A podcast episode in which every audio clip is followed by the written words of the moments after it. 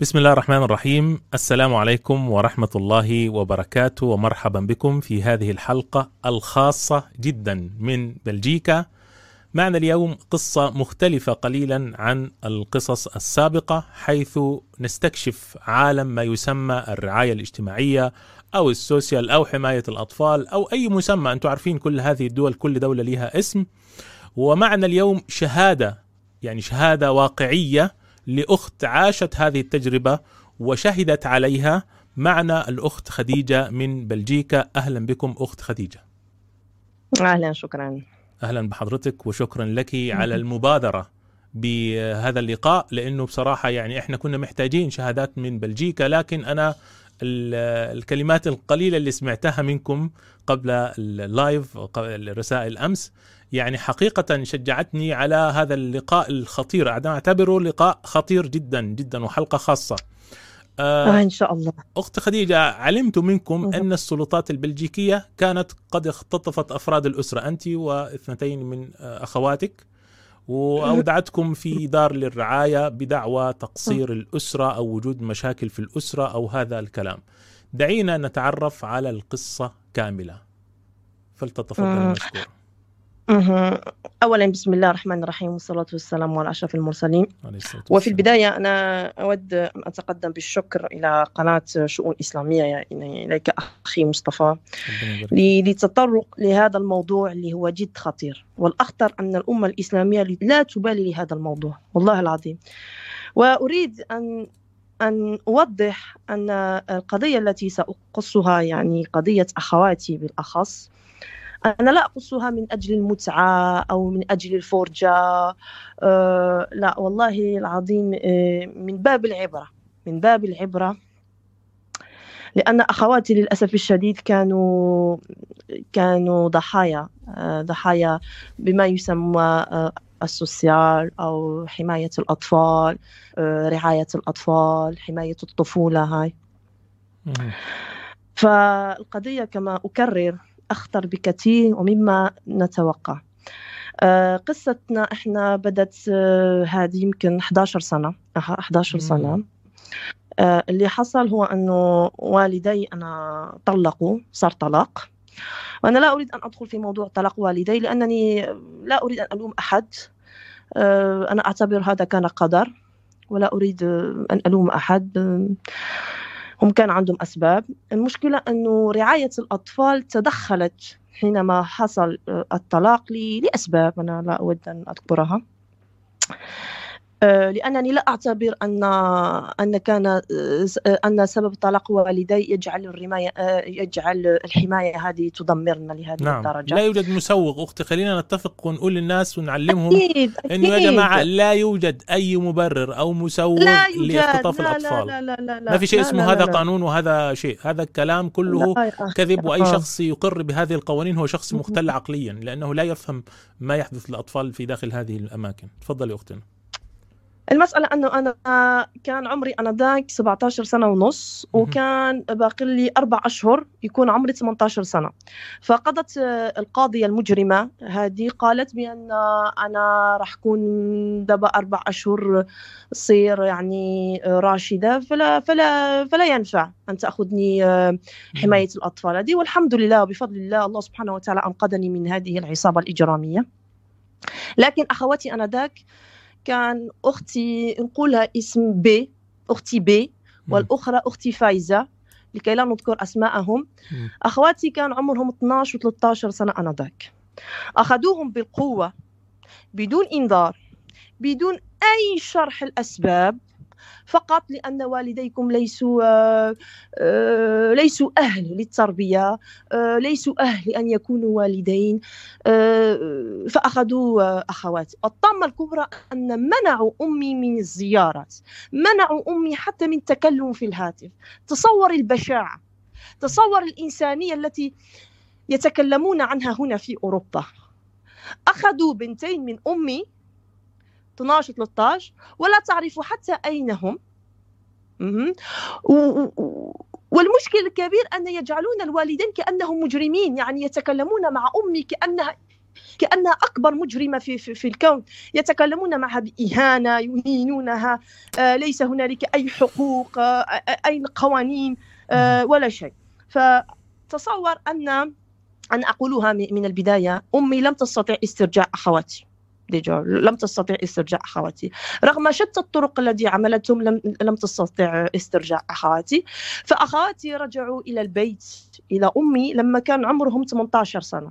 لتوضيح رعاية الأطفال هذه تهتم بالطفل منذ الولادة تهتم بين قوسين. نقول منذ منذ الولادة إلى 18 سنة وحينما يكون الشاب عمره 18 سنة يرمونه في الشارع يرمونه في الشارع بدون مستقبل بدون دراسة آه. آه، ولا نتكلم عن عن الأزمات النفسية والعقد النفسية ويخرجون كلهم مجرمين آه، كلهم مدمنين مشاكل شتى مشاكل يعني هم بعد سنة. بعد 18 سنة الأطفال دول اللي بيتحطوا في دور الرعاية بيرموهم في الشارع آه خلاص بيقولوا لهم خلاص أنتم آه. كده مهمتنا معاكم أن 18 سنة هو سر آه، سن الرشد. يعني أنت راشد لازم تخرج.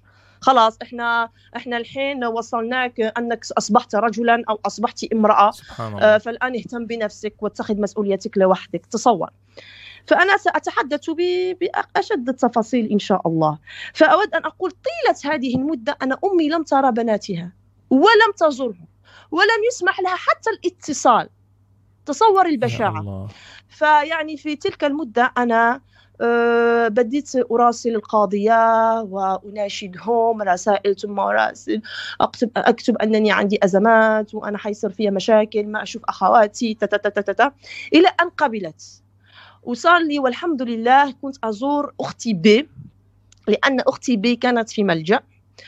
وأختي فايزة هذه اللي صار إنه لما أدخلوهم إلى الملجأ المشكل اللي حصل أن أختي بي هذه يعني صار لك مثل العنف. يعني أكيد أخذوك من والديك بدون بدون أي حق من عشية وضحاها تصبح أنت في ملجأ.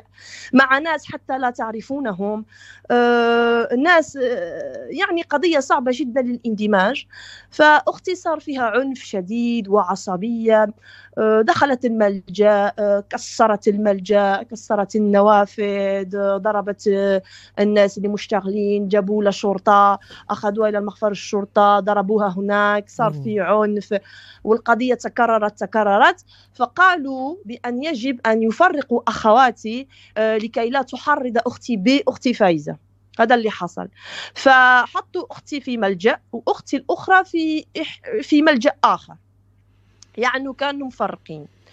وأختي بي هذه كان مصيرها كله عنف وكل مشاكل آه، ضربت شرطة عملوا لها حطوا لها مشاكل في المحكمة آه، أدوها إلى المحكمة آه، يعني إنسانة فهمت أنها حياتها تدمرت. هم كانوا عاوزين يرجعوا للأسرة مثلا؟ يعني هذا هذا هذه الأفعال اللي كانوا بيعملوها كان بسبب يريدون يريدون الرجوع إلى البيت أكيد. أوه. يريدون الرجوع إلى البيت. والذي أريد أن أقول هي تعرف بلجيكا آه، دولة صغيرة جدا ونحن كبرنا في مدينة بروكسل. وفي مدينة بروكسل يعني في جاليات الحمد لله مسلمات منخلطين لكن في مسلمين. و... و... والبعد يعني القرى أخرى المدن أخرى ما فيش مسلمين ما فيش أجانب. أغلبيتهم يعني بلجيكيين. والمصيبة الكبرى هي أن أنا لا أفهم لماذا مثلا آه، أختي آه، راحت إلى خمس ملجأ. وفي بلجيكا أصلا في في المنطقة الفرنكوفونية كاين خمس ملجأ. لأن كل ملجأ كان يطردها ويقولوا لا هذه كانت عنيفة هذه في عصبية. كانوا يخافوا منها. أصلا كانوا ديما يسميوها تيروريست لا تيروريست يعني الإرهابية لأن كانوا كان آه كان فيها ما رجعوها البيت وخلاص. رجعوها البيت وخلاص. آه لدرجة أن القاضية قالتها يوما قالت بأن ندمت لماذا أخذوها من عند أمي لأن كان فيها مشاكل عديدة لكن عذبوها عذبوها. اولا ما في عائلة حضانة أرادت أن تأخذها وهذا شيء جيد أنا أعتبره جيد. آه، أنا أعتبر أن اللهم الملجأ ولا عائلة حضانة لأنك لا تعرف عائلة الحضانة كيف ستكون. يمكن يمكن ناس مغتصبين يمكن ناس مدمنين مخدرات. آه، سبحان الله عائله الحضانة هذه لا يعملوا معهم تحقيق ولا يشوفوا الوالدين كانوا صالحين أو أو أو لا ابدا. كل كل فئات العائلات عائلات الحضانة هذو يتقبلونهم كيفما كانوا. فأختي كان المراد أن لا يضعوها في عائلة حاضنة ونجحت في هذه القضية لأنها كانت طيل الوقت في عنف تخوفهم. لكن هم كانوا أذكياء كانوا يعطيوها منوم. الكزاناك هذا عبارة عن منوم يعطيوها لكي تكون فاشلة تريد فقط النوم. دائما في في مفخر الشرطة يرهبونها. فكانت قصتها للأسف الشديد وارتحلت من ملجأ إلى ملجأ. وأنا كنت يعني أتابعها. اللي لاحظته أن جميع الملجأ اللي أنا ما أعرفش نقول الملجأ في بالجمع مش نقول ملاجئ الملاجئ. ملاجئ الملاجئ. لاحظت أن جميع الملاجئ الخمسة اللي كانوا في المنطقة الفرنكوفونية هنا في بلجيكا كلهم قرب الغابات. كلهم قرب الغابات. فحينما تساءلت مع مع أختي بي قلت لها قلت المسافة طويلة جدا للمجيء عندك كلهم قالت لي آه، لكي لا نهرب وحتى إذا هربنا سنضيع في الغابات لهذا السبب. نفس الكلام في السويد. آه، عفوا؟ نفس الكلام في السويد نفس الكلام هذا في السويد. آه آه آه آه, آه. هي أصلا قضية رعاية الأطفال هي نفس قوانينها نفس القوانين في جميع أوروبا. هذه نفس المنظمة أصلا. طب, طب قبل ما تكملي هل هل تعتقدين أنت متابعة طبعا لما أغطيه من السويد هل تعتقدين أنه نفس المشكلة اللي موجودة في السويد بكبرها موجودة أيضا في بلجيكا ولكن مغطى عليها؟ بس مجرد إجابة. آه لا والله العظيم أنا سأشرح لك هذا بالتفاصيل أنا أظن أن ما رأوه السويد في بلجيكا لأن في بلجيكا وفرنسا كانت جالية إسلامية منذ آه، يعني صار له أزيد من خمسين سنة في جالية مسلمة.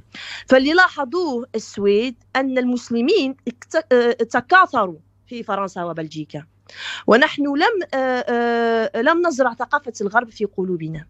والمشكل أن السويد حاليا يعني يجيو اللاجئين كثيرين. واللاجئين اللي يجوا حاليا هم كلهم من الشرق الأوسط يعني كلهم مسلمين. فأرادوا أن يتفادوا القضية اللي حصلت في فرنسا أن الإسلام يتكاثر في السويد. ف... فهذا اللي يعملوه يسحبون الأطفال ليربونهم على ثقافتهم هم. أنا هذا الذي أظنه. نعم. وهذا ساتحدث معك في التفاصيل فيما بعد. تفضلي. أها. لكن أنا اللي أريد أن أقول لك هو رعاية الأطفال هذه في بلجيكا صار لها زمان. وأريد أن أقول لك النتائج النتائج للأطفال اللي عاشوا في فرنسا وفي بلجيكا في عائلة الحضانة هاي وفي الملاجئ. ما الذي شو اللي صار فيهم يعني؟ ماذا أصبحوا؟ ماذا أصبحوا؟ ف اللي كنت أقول أن أختي كان فيها ضرب نعم. آه كان في ضرب وكذا. وكنت أزورها أحيانا إلى إلى الملجأ. أنا أختي بي اللي كنت أزورها إلى الملجأ. آه وكانت يعني تترحل من ملجأ إلى ملجأ لأن الكل لا يريدها. فلدرجه أن كانت في عزلة كانوا عزلوها. لكثرة عنفها وكذا وكذا. فمضت تقريبا آه، كل تلك السنوات في آه، أعتبره أنا زنزانة انفرادية كما كانت يا تقول. ربي. آه والله العظيم. والمشكلة هو أن أختي منذ 14 سنة لم تدرس. تصور يا أخي لم تدرس. وقلت لها أنا كيف أنت لا تدرسين؟ هم قالوا لي كيف أنت لا تدرس؟ آه، قلت لهم أنا كيف أختي لا تدرس؟ هذا مستحيل. أنتم أصلا لماذا جبتوها إذا هي لن ليست لها الاستطاعة في الدراسة حينما تخرج بدون شهادة. أين هو المستقبل حينئذ؟ فقالوا لي والله صار له مشكلة مع الأستاذة وضربت الأستاذة وصارت تحرض التلاميذ على الأستاذة وكذا. والأستاذة حاليا قالت يا أنا يا أختك يجيبوا أختك ب للدراسة أنا سأقدم استقالتي. هيك قالت. سبحان الله. أنا سألت أختي قلت لها هل هذا حقيق هل هذه صراحة؟ ماذا حصل لك مع الأستاذة؟ قالت لي خديجة لا هذا ليس صحيح لست أنا الوحيدة التي لا أدرس. هنا إذا أردت أن تدرس تعال. ما لا تريد الدراسة نحن لا نجبرك. فهذا الذي هو في تناقض كبير لأن رعاية الأطفال حين الطفل يكون عند والديه يعني المراهق ويصير له مشاكل في الدراسة يعني ما يدرس كويس مراهقة صعبة غياب في المدرسة تيجي الرعاية وتأخذ تاخذوا تاخذوا الوالدين وتقول له أنتم ما تتبعون أولادكم ما ما تشوفوا دراستهم يأخذون. حينما يأخذون الطفل كما حصل لأختي ف في الملجأ هذا لا يدرسون. اذا ما هي الفائدة أن تأخذوا الأطفال بحجة أنهم لا يدرسون عند آبائهم وتاخذوا تأخذوهم إلى الملجأ لكي لا يدرسون في, في, في, في آخر المطاف. والاحصائيات تقول أن 99% من من من من من المراهقين اللي يكونوا في الملجأ ويخرجوا في سن 18 سنة لا أحد فيهم يكون عنده شهادة لا أحد فيهم يكون ببكالوريا فتصور. وأنا هذه الإحصائيات اللي تقول والدراسات اللي تقول أنا أعرف كل الفتيات اللي كانوا مع أخواتي كلهم كانوا بدون شهادات كلهم ما درسوا. 18 سنة في عمرهم لم يدرسوا و18 سنة تسقط قانون أنه الدراسة تكون إجبارية يعني 18 سنة لو لا تريد الدراسة هذا من حقك مثلا. تصور يقول لك إذا أردت الدراسة تعال إذا تريد لا تدرس.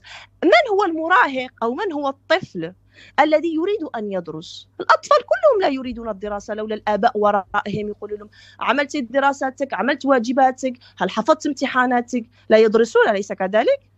ففي في, في الملجأ إذا يعني سمحوا لهم ألا يدرسوا. فأكيد الكل لن يدرس. فهذه قضية الدراسة خطيرة جدا. يعني أين هو المستقبل؟ حينئذ. أختي الأخرى والله العظيم أنا لم أكن أزورها لسبب أنها كانت أخذت من من عائلة حاضنة. حطوها في أسرة وأخذت مرة أخرى يعني. أنا أتكلم على أختي فايزة. أها. أختي الأخرى. يعني أخذت من عائلة حاضنة. وكانوا لم يخبرونني. كانوا لم يخبرونني لأن أصلا الاتصال مع أمي ممنوع لأن أمي شبه مجرمة. يعني آه، المجرمة لماذا نقول لها ما مصير الأطفال وكذا وكذا. فأنا آه، عندما كانوا يتصلون بي يقولون لي أختك فايزة هربت من عائلة الحضانة ونحن بلغنا عنها في الشرطة. إذا وصلت إليكم في البيت بلغوا عنها. لكن أختي في تلك السنوات عمر يعني لما كانت تهرب ولا يوم جات عندنا في البيت. يا الله. يعني لما كانت تهرب تذهب إلى الشوارع. والله أعلم ماذا كان يحصل لها. نحن لما رجعوا إلى البيت لم نفتح قضية الماضي ولم نتكلم عن الماضي وما الذي كان يحصل هناك وهناك وهناك. خصوصا أختي فايزة لم تكبر معي. لم تكبر معي. آه، يعني قضية الأخوة هذه كانت شوي باردة. كان في برودة في في قضية.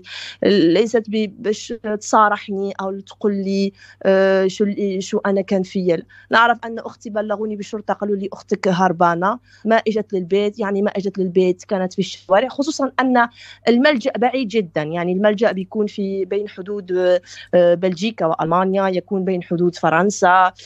يعني ليس ليس قريب لمدينة مدينتي. أنا لما كنت أذهب عند ملجأ أختي ب كانت المسافة طويلة يعني ساعتين في القطار وساعة في الباص ومسافة طويلة يعني تمشيها على رجلك. آه، كان من من من الأحسن الإنسان ياخذ سيارة لكن أنا في ذاك الوقت لم تكن عندي سيارة لصغر سني. قلت لك أختي كانت آه، فايزة من ملجأ إلى آه، من من عائله حاضنة إلى عائله حاضنة وكانت طول الوقت تهرب. إلى ما إلى ما بلغت من السن 15 سنة قالت للمحكمة لقاضية المحكمة هذه قالت لا أنا لا أريد عائلة حاضنة أنا أفضل الملجأ. وقبلوا القضية وتركوها في الملجأ. لأختي آه، فايزة. وحينما كانت في الملجأ كنت أحاول أن أزورها لكن أحيانا والله والله آه، والله أعلم أنا لا أعرف إن كانت هي من ترفض مجيئي أو هم من كانوا يقولون لي إنها لا تريد. أنا كل مرة كنت آه، أتصل فيهم لآخذ موعد. كانوا يقولوا لي لا أختك فايزة لا تريد زيارة آه، لا تريد أحد. فوالله الله أعلم. أنا لما شفت أختي ما قلت لها لماذا أنت لم تكوني تريدينني ولا تريدين مقابلتي. نحن لما التقينا لما كانوا عمرهم 18 سنة لأن أخواتي بيناتهم سنة سنة سنة يعني بالشهر وباليوم سنة. فما ما تكلمنا على الماضي نسي حاولنا ننسى الماضي أما الماضي لن ينسى أبدا ونحاول أننا ما نتكلم. أنا الذي أود أن أقوله هو أخواتي لما رجعوا إلى البيت كيف رجعوا؟ هذه هي القضية المهمة. نعم. هذا يعني أهم, أخوات... أهم نقطة في الحلقة هذه ماذا حدث لهؤلاء الأطفال بعد هذه الرعاية واختطافهم من أسرهم بدعوى أنهم غير مؤهلين لرعايتهم عشان الناس التي تؤيد هذه القوانين تعرف ماذا يحدث للأطفال وكيف يخرجون. أختي بي أختي بي خرجت تدخن هذا شيء عادي جدا تدخين شيء عادي. يعني تشرب كحول لكن الحمد لله هي صارحت لي لأن الحمد لله نحن كنا في اتصال. لما خرجت من من الملجأ وجات إلى البيت وما لقت كحول الحمد لله ما كانت تشرب يعني. قالت لي إنه هي أصلا آه، الشرب كان يأثر عليها بطريقة سلبية كان يعمل لها صداع شديد في الرأس. وكانت تشرب لأن الكل كان يشرب لهذا السبب فقط. آه لكن الخطورة في هذا الشيء عفوا سيدي؟ تقليد تقليد يعني غيرها يعني. آه نعم نعم تقليد. آه، ثالث شيء أختي خرجت مدمنة حشيش. ومدمنة مخدر الإكستا ومخدر الإكستا هذا كان خطير جدا. فأختي لما خرجت آه أختي بي على فكرة خرجت سنها 17 سنة. لماذا 17 سنة؟ لأن سن آه، الرشد هنا في بلجيكا هو 18 سنة. الإنسان يكون قاصر إلى حد 18 ومن 18 يصير كبير. لكن أختي هذه كانوا عندها مشاكل مع الشرطة وديما تتقاتل مع الشرطة عنف كسرت كل الملاجئ اللي في بلجيكا الكل يعرفها كل الشرطين يعرفها أخذوها إلى المحكمة القاضي ما يريدها سبت القاضي بكلام نابي. آه، انسانه منفعله جدا. فحكمت القاضية أنها تعطيها سن الرشد على 17 سنة يعني يسحبوا منا سنة من الق... آه، أن تكون قاصر. وهذه آه، آه، هذه موجودة في في في قانون بلجيكي يعني الإنسان اللي فيه مشاكل كثيرة كثيرة كثيرة يعطوه سن الرشد إلى 17 سنة. لماذا؟ لأن في فخ كبير.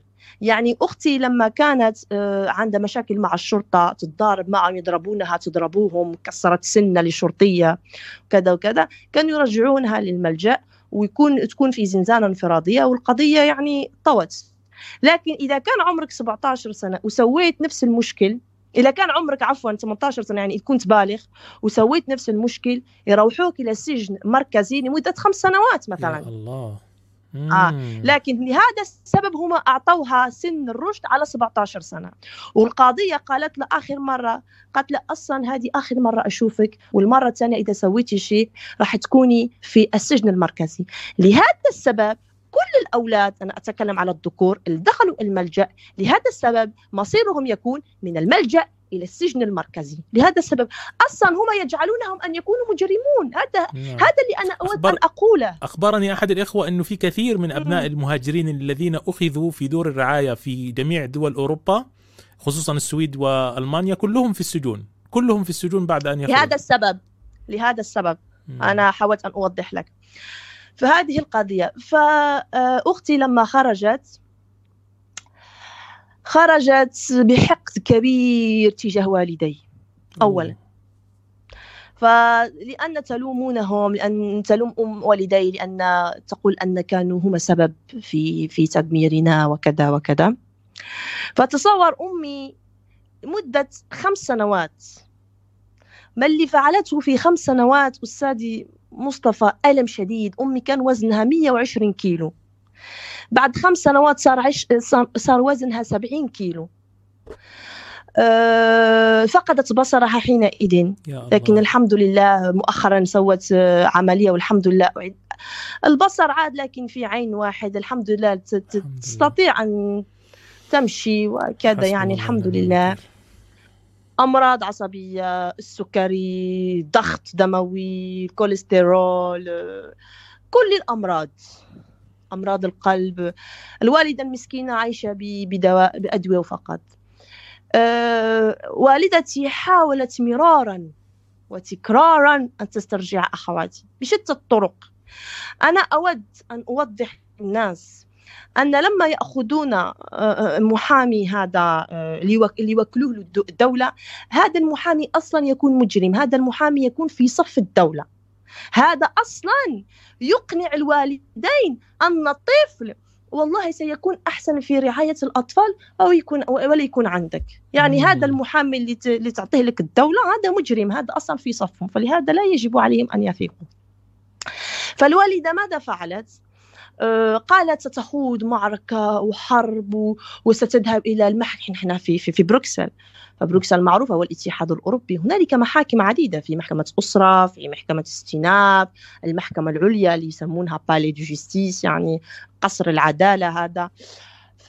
فالوالدة راحت إلى المغرب باعت بعض الممتلكات وجات وقالت ستخوض معركة قوية وتأخذ أشد المحاميين لتسترجع أخواتي. نصحوها بعض الناس أخذت محامي كبير هنا معروف فتح الملف ب 3000 أورو. 3000 أورو يعني شبه 3000 دولار. من 11 يعني سنة. سهلة. فتح أكثر من أكثر من 3000 دولار بس هذا هذا من من سنوات كان مبلغ كبير يعني. أكيد أكيد. آه بعدين آه وكان هذا المجرم عارف بأن القضية ستفشل وأنا سأشرح بعد لماذا القضية كانت ستفشل. فتصور آه تحقيق وتجيب أوراق وتجيب آه، ما أعرف شنو وتجيب إمتى حصل وشو اللي بيحصل في الملجأ وكيف وليش ما في زيارة وين البنت آه، الكبرى وين البنت الصغرى ليش مش بعض القضية صارت أزيد من سنة. من سنة. وكل مرة الوالدة لما تمشي عند هذا المجرم المحامي هذا النصاب كل مرة تجيب له أوراق ومسكينة عندها أمل كبير أن تسترجع أخواتي كان ياخذ لها 650 أورو. شوف النصب. كل مرة؟ شوف النصب. آه كل مرة لما تجيب تجيب الأوراق نقول لها لازم تشوفوا في في محادثة لازم نتفاهموا المهم اخذوا الاوراق آه المهم جاءت يوم الجلسة. سمح لي أنا أن أمشي معها للمحكمة آه المحكمه العليا هذه لقصر العدالة. اللي اللي باش تدخل لازمك مهم. كأنك ستدخل البيت الأبيض في أمريكا. لما دخلوا أنا أتذكر يومها الجلسة دامت خمس دقائق. خمس دقائق؟ تصور. خمس دقائق بس. طيب قالها القاضي قال القاضي أنتم لماذا جئتوا عندي أصلا؟ هو قاضي المحكمة الطفولة قضى. وأناش أناش عنزيد في هذه القضية. فقال لنا أؤيد فقط حكم القاضي للطفولة. يعني خيبة أمل ومصاريف كثيرة كثيرة كثيرة. ضاعوا ضاعوا ضاعوا ضاعوا. وكان الأمل فقط أنهم يرجعوا إلى البيت. وفي الأخير شوف النصب. لهذا أود أنا أن أوضح للناس أن في فيما مضى يعني في الماضي جدا هنا في أوروبا كان يصير آه، آه، يعني كوارث للأطفال. كان الطفل يغتصب يقتل يدبح كانوا النساء يعني يلدن ويقطعن أطفالهم. كانت المرأة يعني لا تريد مثلا أن أن تنجب أطفال ما كانوا يسمحوا آه، للإجهاض في في أوروبا آنذاك. آه، لم يكن هنالك موانع الحمل. فكانوا مثلا النساء يلدن لكن لا يريدن فكانوا يعذبون أطفالهم. تصور أن الوالدين في وقت ما مضى في أوروبا كانوا يعذبون الأطفال. وكانوا بعض الوالدين هادو آه، لأنهم كفار يا أخي. كانوا مخد... يستعملون مخدرات وكذا.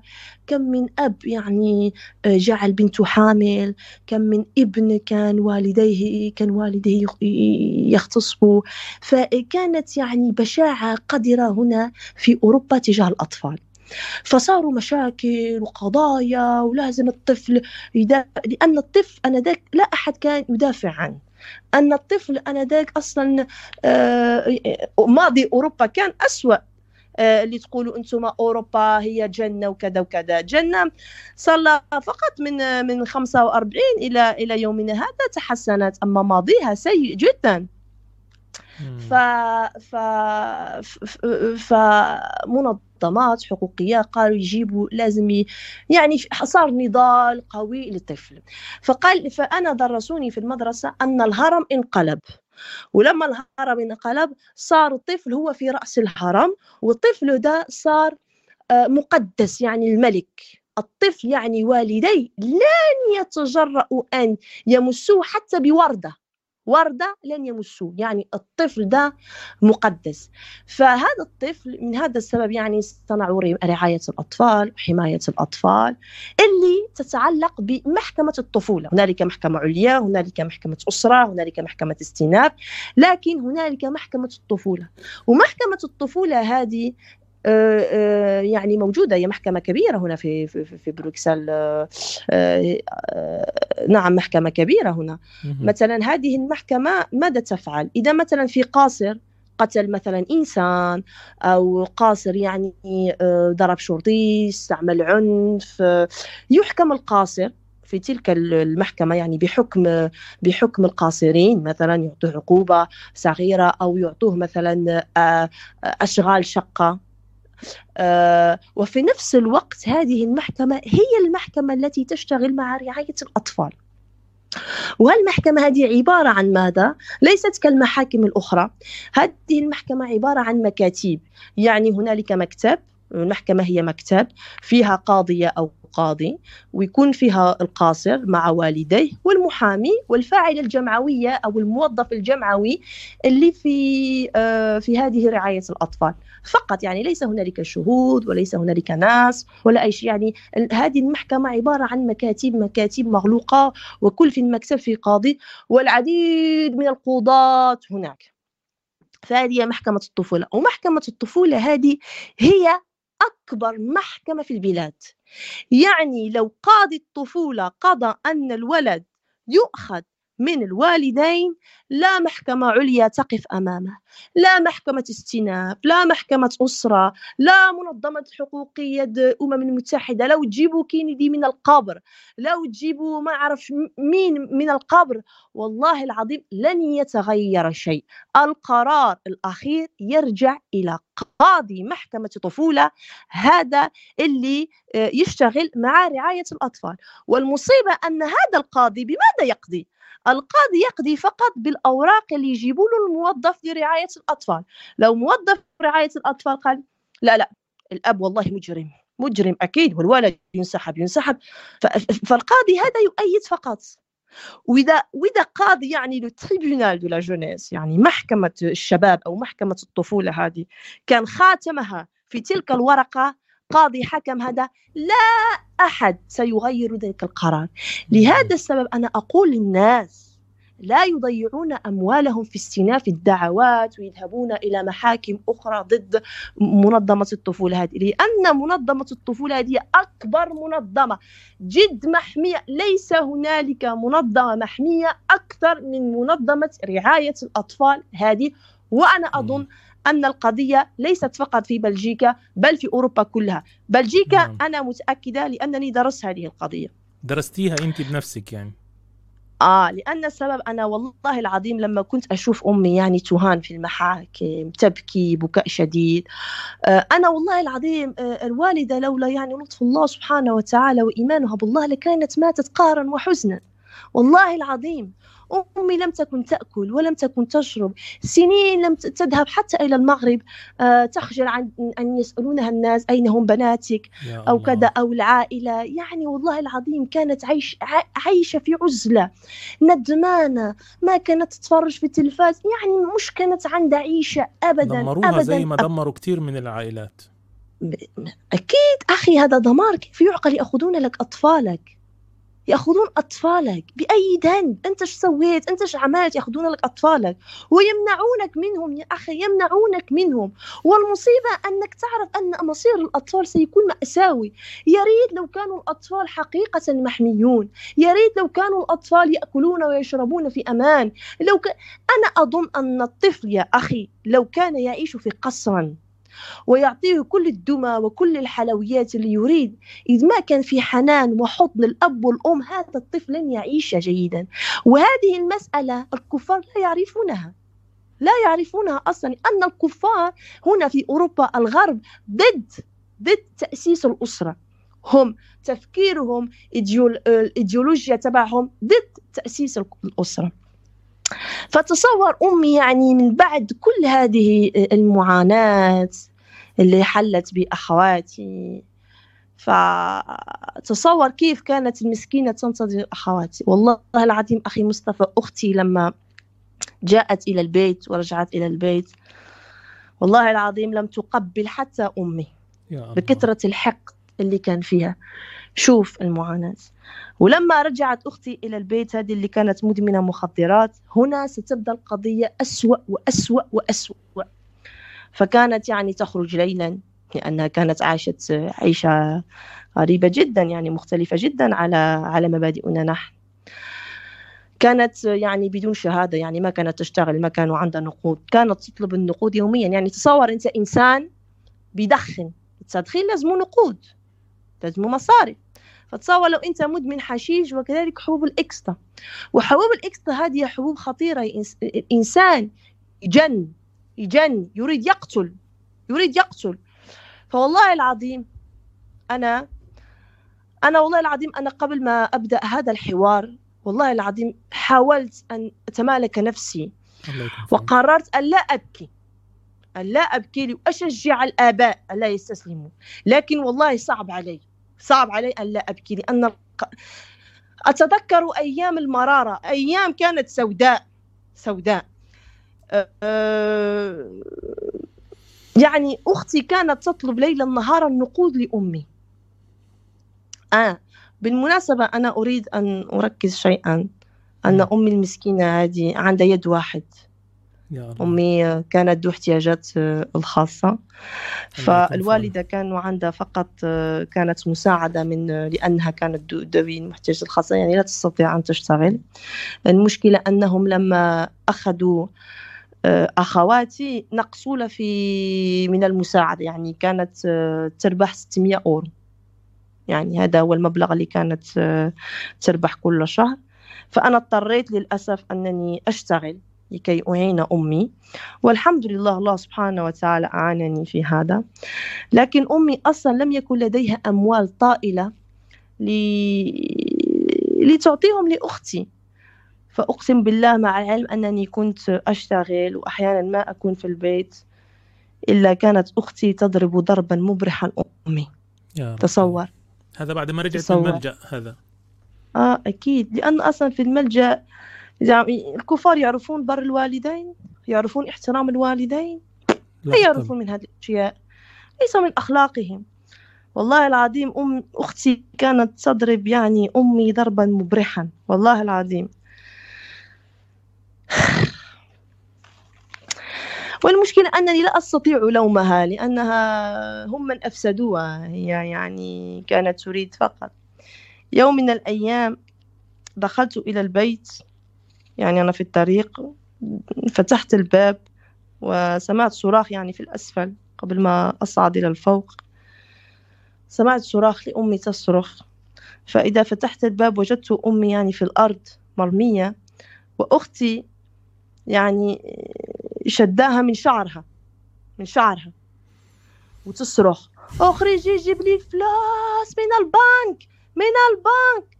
قسما أنا فارقت أختي يعني في يدها كانت كمية كبيرة من شعر أمي في يدها. تصور. تصور. فأمي المسكينة كانت طيلة الوقت يعني تقول لي لماذا لم يموتون؟ تلك يعني أخواتي لماذا أصلا لم تموت أختي هذه؟ والله كان دمار. دمروهم دمار. دمروهم أخذوهم ودمروهم لا أعادوهم أسوياء. والقضية يعني بقت لمدة سنتين. دائما ضرب وجرح واختي لا تريد أن تتفاهم. والله قضية كانت صعبة جدا. أنا والله أتكلم بصعوبة حينما أتذكر هذه هذه المشاهد. يوم من الأيام في ليلة ما دخلت إلى والمشكلة أن أمي لم تريد لم تكن تريد أن تبلغ عنها لأن كانت تقول خد... كانت تقول لي خديجة هي بنتي والمشكلة أني بلغت عليها سيأخذونها إلى السجن المركزي آه. لسنوات وكذا وكذا لأن عندها سوابق. فهمتي؟ الأم هذه الأم يا أخي. فالمشكلة هي أن والله العظيم يوم من الأيام كنت اشتغلت في في مخبزة وتأخرت جدا يعني أتيت إلى المنزل في العاشرة ليلا. فلم يعني ما أسمع شيء ما أسمع صوت ما أسمع تلفاز يعني كيف يعقل؟ ما الذي حصل؟ لما فتحت الباب لقيت لقيت المنزل كأنه صار فيه حرب عالمية ثالثة في البيت. فاتصلت بأمي اتصلت بأمي تبكي وكذا وبكاء شديد أنا في المشفى فلاني تعالي صار لي مشكلة مع أختك بي وكذا وكذا وكذا. فذهبت إلى تلك المشفى لقيت أمي يعني في حالة يرثى لها. كلها ضرب. كلها مضروبة. أختي كانت فرت لأن الوالدة كانت خرجت وفي جارة اتصلت بالإسعاف لأن كانت أمي كلها دم. كلها دم. كلها دم. أخذوها. لكن الحمد لله يعني الحمد لله وبفضل الله لكانت القضية تكون لكانت أسوأ. سبحان الله الدكتورة اللي أخذت أمي الحمد لله كانت من أصول مغربية. وكانت تفهم العربية. فالوالدة يعني شرحت لها القصة وقالت لها كل القصة. يعني حينما أخذها الإسعاف بأن أمي ضربت بلغوا الشرطة أكيد. فالشرطة كانت هنالك. لكي يستطيعوا أن يعني يبلغوا عن أختي أو الفاعل اللي فعل هذا الشيء بأمي. فالحمد لله تلك الدكتورة المغربية تفهمت الوضع وأمي شرحت لها القصة كلها وقالت لها أنه هي لا تريد تبليغ بها وكذا وكذا. فالحمد لله هذه هذه الدكتورة يعني جزاها الله خيرا. لم تعطي شهادة طبية يعني أن أمي مضروبة وكذا وكذا ضد أختي. يعني لم تفعل شهادة طبية وأعطتها للشرطة. قالت آه، هي لا تظن أنها شو آه، أنها جروح يعني قاسية. لا تظن أنها قالت أنا لا أظن أن أعطي هذه شهادة طبية. وهذه القضية ساعدت أمي لكي لا تبلغ أختي لأن أمي أنذاك كانت يعني مجبورة أن تبلغ عن عن أختي. نعم. لكن حينما الموضوع خرج من المنزل إلى المستشفى لازم لازم فاعل يعني. أكيد. لكن هذه الدكتورة اتصلت في في أختي وقالت لها لازم نتكلم أنا وياك وقالت لها أنا كان في إمكاني نعمل شهادة طبية لأمك وتروحين يعني لسنوات في السجن لأنه أنت عندك أصلا سوابق وأمك حكت لي كل شيء عليك و... و... والقضية لن تكون هينة لك. آه، ف... فيجب عليك أن تفهمي. والله تلك الدكتورة كانت سبب فهمت لأختي بأنها يجب عليها أن تفهم أن السبب وراء كل شيء ليس والدي وليس لا أبي ولا أمي وإنما الدولة التي كانت وراء هذا الشيء. والدولة هي اللي آه. فالحمد لله الحمد لله بعض الجيران تعاطفوا معنا. وإحنا بالخصوص يعني كنا نسكن في بلدية فيها الجالية المغربية بكثرة. فالحمد لله يعني ساعدوا أختي كانوا هنالك أصدقاء آه الحمد لله أصدقاء صالحين. وكان في تلك الأيام اقترب آه، شهر رمضان. وكان في أجواء رمضان كانوا يدعونها إلى المسجد. والحمد لله الحمد لله رجع الإيمان إلى قلبها. الحمد لله. أكبر. آه الحمد لله الحمد لله الحمد لله. وتحسنت آه، يعني الحمد لله آه، تعرفت إلى شاب الحمد لله مسلم والحان الحمد لله تزوجت به. الله. هذا الشاب الحمد لله ساعدها على آه، على يعني إزالة هذه المخدرات. لكن حاليا هي لا زالت تدخن لكن صارحتني قالت لي أنا والله إن شاء الله أنا في المستقبل لا أريد أن أكون أم أدخن آه، وإن شاء الله في هذا رمضان إن شاء الله سيكون لي سبب في في وقف التدخين إن شاء الله. والحمد لله يعني الحمد لله أختي تحسنت بكثير حاليا. بفضل الله فقط بفضل الله فقط وبسبب الناس الصالحين اللي جاورونا وكانوا مساندة لنا آه، آه، يعني الحمد لله تحسنت حالتها الصحية لأنها كانت شبه هيكل عظمي بسبب المخدرات. الحمد الحمد لله زاد وزنها الحمد لله تنور وجهها آه الحمد لله يعني والله العظيم الله. هذا بفضل الله وأدعو لاخواني بالثبات الإسلام والله, والله. هو الملاذ الأخير وهو الطريق الصحيح لكل إنسان يريد أن يعيش حياة سوية. وهؤلاء يريدون آه. تدميرنا وتدمير مجتمعاتنا وتدمير آه أبنائنا. هذه هي الغاية هذه هي الغاية أستاذي أختي. هذه هي الغاية. لكن نعم. أختي الأخت الأخرى الأخت الأخرى ماذا آه حدث لها؟ أنا جايتك المشكلة أختي الأخرى هذه خرجت مدمنة كذلك كحول و... وتدخين. لكن الطامة الكبرى أخي مصطفى أنها خرجت حامل. لا حول ولا قوة إلا بالله. وهذه القضية هي التي قضت على أمي. والله العظيم أمي والله العظيم أمي يعني آه، تحملت الضرب لأختي أخرى. تحملت إدمان ومعطي المصاريف لأختي الأخرى. لكن قضية الحمل هذه دمر أمي لأقصى درجة. يعني دخلت مشفى مدة 22 يوم. أزمة لم تتقبلها أبدا أبدا أبدا أبدا. إحنا بالخصوص إحنا في المغرب من المنطقة الشمالية كثير محافظين. فوالله العظيم لم تتقبل هذه القضية أبدا. بقت في في المشفى مدة 22 يوم. تصور تستيقظ تستيقظ ب 400 ملغرام سكر. تصور هذه ما أكلت ما شربت. آه والضغط الدموي هذا التنسيون كان فيها 24 والله رجعت من الموت لمدة 22 يوم. تصور. وأنا أقول أن الحمد لله الحمد لله هذا هذا بلطف الله الحمد لله أختي كانت تعرف من هو أب الوالد لأن أغلبية أغلبية الأوقات آه، آه، آه، الفتيات اللي يصير لهم حمل في الملجأ لا يعرفون من هو الأب أصلا. والحمد لله أن كانت صارحتنا من بعد أنها كانت في علاقة مع شاب مغربي. والحمد لله أنه من أصول مغربية ومسلم لأن في في الأخير استطعنا أن نتفاهم مع العائلة وعندما خرجت استطعنا أن نتستر على القضية وعملنا لها زفاف. والحمد لله أن تزوجوا يعني لكن تصور إن لم تكن تعرف من هو أب الطفل مثلا. وهذا هو اللي بيصير. هذه المشكلة هذا هو اللي بيصير. تصور لو كان مثلا أب الطفل مثلا أجنبي بلجيكي مثلا فكانت القضية ستكون خطيرة أكثر. فأنا اللي والله ما في ما في اخطر ما في أخطر من إنه بنت تطلع حامل من السفاح أختي صدقيني. والمشكل والمشكل يا أخي مصطفى هذا هو هذا هو اللي بيصير. هذا هو اللي بيصير هناك. وأنا سأشرح لك كيف هذاك الشيء بيصير. أنا شرحت لي أختي ب أن كان عندهم يعني آه الغريب في الأمر كان الغريب آه سأشرح. مثلا قالت لي هي كانت في زنزانة انفرادية مثلا.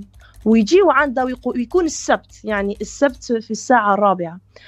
ويقولوا لها آه، بي يلا اخرجي. إن شاء الله يلا. ويعطيوها نقود. تصور. شوف شوف شوف شوف الخبث. يعطيوها نقود يعطيوها نقود ويقولوا لها يلا بي. يلا اليوم السبت. السبت للسلة. اخرجي اسهري ارتاحي. وارجعي لنا يعني بخير. ما ترجعي تسخر تسخر آه، تصرخي وكذا وكذا وكذا. يعني يشجعونهم عن الفسق الفسق. فتصور أن الوالدين يأتون هنا للزيارة. لا يريدون. مثلا أمي أنا لا يريد. لا, لا, لا, لا مستحيل. مثلا أنا إذا أردت أن أزور أختي يجب علي الاتصال أسبوعين. وأن أفعل ميعاد يعني قبل أسبوعين لكي آجي إلى أختي وأزورها. والزيارة تتم في 45 دقيقة فقط. لكن آه، آه، آه، البنت اللي تكون في الملجأ مثلا ويقولوا له يوم السبت بيكون السبت في سهرات وفي ملاهي وديسكوتيك وكذا وكذا وكذا. ويقولوا له يعني في الساعة الرابعة اخرجي وهاكي نقود لنقود لتشتري اللي تروحي في القطار مثلا. وعندك الحق تيجي حتى الأحد يعني حتى الغد. وتصور أختي كانت يعني تقص لي مثلا إنه لما كانت يجيونا هاد كانت لما تروح للملاهي تشوف الفتيات أخروات. أنا سبحان الله والله يا أخي لا أعرف كيف الله سبحانه وتعالى نجى أختي به والله العظيم لا أعرف ذاك بفضل الله سبحان الله نجى أختي به فقالت لي أختي كانوا الفتيات لما يرجعن من الملاهي كانت كل واحدة تجيب معها boyfriend يعني واحد آه، التقت به في في ملهى وكذا وتقول لهم هذا التقيت في به في ملهى في في في في هذه الملهى وفي هذه ال discothèque. آه، هل باستطاعت أن ينام معي هذه الليلة؟ يقولوا أكيد من حقك. نحن لا نجبرك آه، نحن لا نمنعكم من الأكل هذا في الملجأ. لا نمنعكم من الشرب. فأكيد لا نستطيع منعك من الجنس أكيد. فتصور.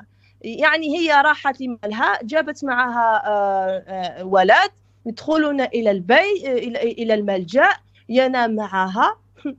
وكأنهم في فندق يعني وفي الصباح يروح. فكيف لا تريد أن هذه الفتيات يصرن حاملات أخي؟ سبحان الله. ولذلك نحن ولو... نرفض هذه المسائل جمل موضوع اللي اللي بيقول لك أصل الأسرة عملت أصل الأسرة ضربت الطفل أصل الأسرة فيها طلاق أصل الأب مش عارف إيش. والله مهما كان في البيت لا يمكن ابدا أن نقر هذه القوانين المجرمة خطف الأطفال وإبعادهم. آه. آه، آه، القضية أن أختي ماذا قالت لي آه، أختي بي؟ قالت لي المشكلة يا خديجة أنه أغلب الفتيات الحوامل لا يعرفن من من أب من أب الطفل. لماذا؟ لأن هذا هذا يعني الولد يجيبوا هذا السبت مثلا والسبت المقبل يجيبوا واحد ثاني. أوه. مثلا في ملهى المشكلة أنهم لا يبقوا مع اتصال من غير إذ كان يعني آه، في ترى في تقارب كبير عنده يعني boyfriend يتواصل معها دائما ويجي عنده مثلا دائما. فهمت القضية. لكن قالت لي هي تعرف آه، ثلاث فتيات كانوا معها في الملجأ حملوا في الملجأ قبل 18 سنة. وكانوا حوامل والمشكل أنهم كانوا لا يعرفوا الطفل. فالمشكلة ما فالمشكلة لتلك الفتيات. أنا لا أتكلم عن أخواتي لكن أتكلم عن الفتيات اللي أختي عاشرتهم في الملجأ. في فتيات صاروا حاملات في سن 15 16 يعني لازلنا تحت رعاية الأطفال. حملوا المشكلة لا يعرفون الحم ممن يتم. أوكي. آه يتم تتم الولادة وفي يوم الولادة يأخذون الطفل. أوه. ويكون مصير الطفل منذ الولادة كمصير أمه. يعني تصور البنت اللي يأخذون طفلها في سن الولادة عمرها 15 و16 عام. ماذا يصير بها؟ ماذا يصير بها؟ لا يعني لا يعقل أن نعطي الطفل لطفلة تحت رعاية الأطفال. هي أصلا لا زالت تحت رعاية الأطفال. فكيف نعطيها ما طفل؟ ماذا لو تزوجت البنت هذه في سن 15 16 سنه لا لا أصلا هنالك ليس هنالك زواج أصلا ليس لا لا أنا بسألك سؤال لو أن أسرة مسلمة زوجت ابنتها في هذا السن ماذا سيفعلون بهم؟ لا يكون لا يكون السن عم في 18 سنة. أنا لهذا أختي كانت حملت يعني في 17 أنا أقصد أختي انهم أنهم لا يسمحون بالزواج في هذا السن ويعاقبون الناس. هذا جريمة بالنسبة لهم إنه ولهذا أقول لك أن ليس هنالك زواج. لهذا أقول لك ليس هنالك زواج قبل 18 سنة. لو صار الحمل لهذا يأخذون الطفل. هذا الذي أريد أن أقول لك. أختي مثلا آه، آه، آه، أود أن أكتمل. فقضية الفتيات هذه التي يأخذون طفل منذ الولادة هذه الفتيات يزدن تدميرا. تكون البنت مثلا تدخن آه، ال ecsta أو تدخن الكحول أو تدخن آه، ما تدخن فتصبح مدمنة كوكايين آه، تصبح مدمنة هيروين. يعني أخطر المخدرات هم الكوكايين والهيروين. تعرف هذا الشيء؟ آه، آه، هذه البنات وهذا مصير وأنا أتكلم لا أتكلم لك عن وحي الخيال أنا أتكلم عن فتيات. عاشرنا أختي ب وعرفت مصيرهم. وإذا وإذا تريد أن لا لكن لا أستطيع لا أستطيع. ومصير البنات اللي كانوا مع أختي هو مصير أغلبية الفتيات اللي يكونوا في الملجأ.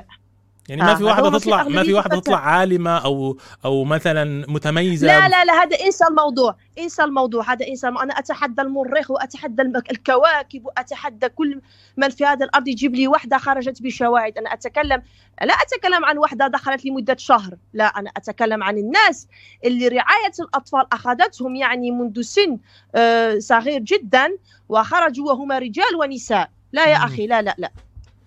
نعم. ليس هنالك لا لا نحن نتكلم بعقلانية نتكلم طيب. في الواقع انت أنت أختي كنت بتروحي تزوري أختك في الملجأ صح أها طيب آه. ماذا رأيتي داخل هذا الملجأ يعني ممكن تديني بعض الملامح عاوز أشوف آه. هذا أستكشف هذا العالم من الداخل آه آه آه اللي أريد أن اقوله لك فقط أريد أن أوضح قضية آه، صديقات أختي يعني في ثواني قليلة هي فقط لما يأخذون الطفل والبنت عمرها 15 16 سنة وما نعرف مصير الطفل هذا هذا البيبي اللي أخذوه. تدمر تلك الشابة وتدمر تلك الفتاة ويخدمونها بأمل. لا لا ابنك يرجع لك ابنك يرجع لك. فتصير كل كل المخدرات اللي تأخذ ما تعمل لا شيء. فتصير مدمنة مخدر الكوكايين والهيروين وهذه أخطر شيء. مخدر الكوكايين والهيروين هذا الموت البطيء يعني. فيهربون من من الملجأ. حين يكونوا مخ... يعني حين يكونوا مدمنين كوكايين وهيروين يهربون إلى الملجأ. فقط آه، ليعيشون من أجل مخدر الهيروين والكوكايين فقط. فحاليا ما يكون مصيرهم هذه الفتيات يبيعون نفسهم فقط من أجل جرعة صغيرة. من أجل سرعة صغيرة للكوكايين والهيروين. هذا هو مصير الفتيات وهذا ما يريدونه لبناتنا نحن المسلمين. هذا. فلهذا القضية خطيرة جدا. والحمد لله الذي أن الله سبحانه وتعالى أنقذني من ذلك الملجأ. والحمد لله اللي كنت في اتصال مع أختي ودائما كنت أزورها يعني كل أسبوعين. فأحذرها. أختي بي لا تفعلي كذا وكذا لا تفعلي كذا وكذا. الحمد لله الحمد لله. وهذا الذي يمكن ساعدها وأنا أظن أن الله سبحانه وتعالى فضلها واختارها والحمد لله. أنا لهذا السبب رغم هذا الدمار اللي حصل فيهم أنت بتعتبري هذا إنجاز. شوف يا جماعة بس أنا عايز أقول حاجة. والله العظيم آه آه آه والله العظيم قضية أخواتي والله العظيم لهي قضية أوهن.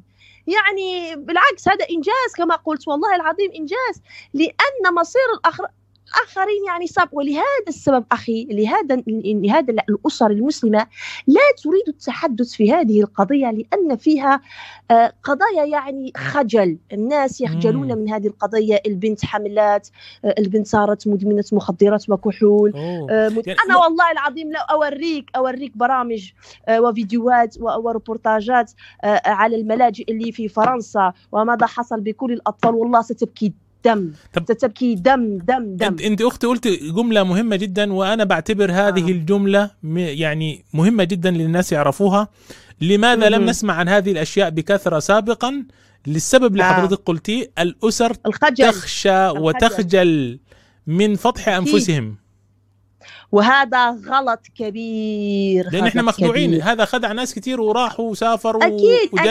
أكيد لأن الناس لأن الناس إيه آه مؤخرا أنا شفت فيديو واحدة آه كان صار نفس المشكل. قالت والديها وعائلتها يعني هجروا فرنسا هجروا فرنسا وراحوا إلى البلد لأن كانوا يخافوا من تشويه البنت. فهذا خطأ كبير لأن هذه البنت ليست مذنبة يا إخوان. هي أصلا ضحية وأنتم كذلك لستم مذنبون. هذه ليست نتيجة تربيتكم أصلا. مم. هذا هذا هو سبب الدولة والحكومة ورعاية الأطفال وهذه المنظمات. وسكوتنا عن هذا الخجل جعلنا نحن شريكين في هذه في هذه نعم. الجريمة. ضحايا جدد وقوع ضحايا جدد وتورط ناس جدد وعدم انتباه الآخرين أيضا. نعم. لأن أنت بتتفاجئ الان تطلع لك واحدة تقول لك يعني مثلا أنا عايز أسألك سؤال. يعني تجي لك واحدة تقول لك يا أختي أنا أعيش في بلجيكا أنا وبناتي أه. وأولادي ما عندنا شيء ولا حصل لنا اللي أنت بتقولي عليه هذا الكلام من وين جبتيه؟ آه، okay okay. إن شاء الله الدور حيجيها إن شاء الله الدور حيجيها وحيكون اسوء إن شاء الله. أنا يا أخي مصطفى أنا المرتزقة والخونه هادو عبيد الغرب هادو فينهما هادو اللي مساكن كانوا عايشين في الظلم والعدوان والطغيان في الدول العربية وجاءوا هنا آه، آه، أعطوهم مساعدات 2000 أورو رخيصين هادو وباعوا باعوا دينهم باعوا ثقافتهم من أجل أوروبا وصاروا يقولوا لاوروبا لبيك لبيك. أنا لا أتكلم معهم هادو. أنا قلت لك يا أخي أنا أدرس التمريض حاليا ولست أخصائية أمراض عقلية أنا لا أجيد الكلام مع المجانين ومع الأمراض العقليين هذو في أنا لا أتكلم معهم أنا أعتذر لك أنا سألتك هذا السؤال لأنه والله العظيم أنا هذو يجننوني والله يجننوني لأن أنا شفت ناس. وقضية أخرى أخي اللي يقول لك لا والله آه هذه رعاية الأطفال آه جميع الأسر فيها. الله أكبر. أنا رحت لخمس ملاجئ. أنا أختي أختي بي هذه اللي مشهورة عند عند الشرطة هنا الكل يعرفها بانها كانت مجرمة وكانت إرهابية وكذا وكذا وكذا. لا يعني نقلوها من ملجأ إلى ملجأ إلى ملجأ إلى الأقصى الملجأ اللي كان في في في حدود ألمانيا هادو اللي أصلا العاملين هناك كانوا يتكلمون بالألمانية. وكانت هنالك صعوبة بينها وبين بقت لهذا السبب شهرين فقط. أنا زرت كل الخمس الملاجئ. ماذا وجدت؟ وجدت فقط أولاد الأسر المسلمة. فقط. وجدت فقط أولاد الأسر آه، من آه، من الافارقه السود. فقط البلجيكيين اللي موجودين في تلك الملاجئ اللي متخلى عنهم اللي والديهم أصلا كلهم متخلى عنهم اللي والديهم مدمنين مخدرات اللي والديهم مجنونين يقولون عليهم توكسيكومان. هادو اللي وجدت يعني أنا ما شفت ولا ابن لأسرة يهودية. أنا لم أرى ابن لأسرة يهودية في خمس الملاجئ. هل بالصدفة أنا يوم الزيارة لأختي كنت ألتقي فقط مع مع الأسر المسلمة والأسر الأفارقة؟ والله هذه صدفة يعني عجيبة جدا. في خمس ملاجئ مع العلم أن بلجيكا فقط في في المنطقة الفرنكوفونية. أنا لا أتكلم عن المنطقة الفلامانية. في المنطقة الفرنكوفونية يوجد فقط خمس ملاجئ وأختي راحت لي خمس ملاجئ وأنا وأنا عملت رجلي في خمس الملاجئ هذو فأنا لم أرى عائلة بلجيكية يعني عادية. جالسين عندهم سيارة وكذا. أنا العائلات البلجيكيين اللي شفتهم أصلا شبه مجنونين وكلهم موشومين كلهم حمق مهبولين هناك. يعني لكن الاستهداف آه انت شايفة الاستهداف الأكبر لأبناء المسلمين هذا أنت شايفاه؟ أنا يا أخي والله العظيم لو يعملوا اللي يعملوا لي هذه قضية أنا لن أسكت عنها. نحن المسلمين مستهدفين. شاء من شاء وأبى من أبى والأمة الإسلامية مريضة المسكينة. الأمة الإسلامية حاليا لا تنام. الأمة الإسلامية المسكينة والله العظيم في غيبوبة في coma coma. أنا أقولها نحن المسلمين مستهدفين. وأنا سأقول لك لماذا نحن مستهدفين. ترى عندما يعني آه، آه، آه، من الأسباب اللي يقولوا لك الأسباب اللي يقولوا لك باللي إحنا نأخذ الطفل لرعاية الأطفال يعني مثلا إذا كان تشدد ديني في العائلة أوه. هل هذا سبب هل هذا السبب يمكن أن يسحب الأطفال يختطفوا؟ أكيد أكيد لأن التشدد الديني يجعل أن الطفل يكون منتهك في طفولته، لا يعيش طفولته كما يجب، يعني ليس هنالك إيه دوما ليس إيش تصورهم للتشدد الديني؟ هم إيه التشدد عندهم يعني؟ عشان أعرف أنا والله العظيم أنا اللي شفته هنا في في أوروبا يعني في فرنسا أو في بلجيكا. كمسلم إذا أردت أن يسمى عليك أنت مسلم مندمج ما هو المسلم المندمج؟ المسلم المندمج يعني هنا في فرنسا أو بلج... في بلجيكا أو فرنسا هو أن لا تكون مسلما فقط. هذا هو المسلم المندمج. المسلم المندمج يا أخي أن ترضى عليك فرنسا وتقول لا لا والله هذا مسلم يعني إحنا نحن نريد مسلمين مثل هذا. هو المسلم اللي لا يكون مسلم. فقط المسلم اللي يقول أنا لست مسلما. هذا هو المسلم الحقيقي يعني اسمه يمكن محمد أو لعب قادر أو فاطمة وزير الداخلية الفرنسي النهارده في مؤتمر آه، قال آه، جميع يجب أن يكون جميع المسلمين آه، يكون انتمائهم الوحيد فقط لفرنسا. فقط لفرنسا. آه وأنا جايك جايك القضية هذه جايك. أريد فقط أن أتكلم على قضية التشدد هذه. أنا قلت لك أنا في بلجيكا في مدينة هنا بجوارنا اسمها انتوربن وانفيرس هذه بالفرنسية. انتوربن هذه المدينة هي أكبر مدينة في أوروبا فيها الجالية اليهودية. أنا أولا أود أن أقول أنا ليس عندي أي مشكل مع اليهود أو المجوس أو أو أو, أو لا أريد إحنا عندنا مشكلة معهم في العقيدة. أنت قصدك أنت لست يعني أنت لا لا لا أنا لا أريد بعض المرتزقة والجواسيس اللي يشوفون البث وكذا وكذا يقول لك آه هذه تعادي السامية وكذا وكذا. لا إحنا أنا إحنا هؤلاء نحن لا نؤمن بدينهم وهم لا يؤمنون بديننا فهم عندنا ليسوا مسلمين ونحن عندهم كفار وهم عندنا كفار. انتهت القصة. يعني بس عشان الناس آه ما تفكر. شكرا أخي. آه. شكرا أخي.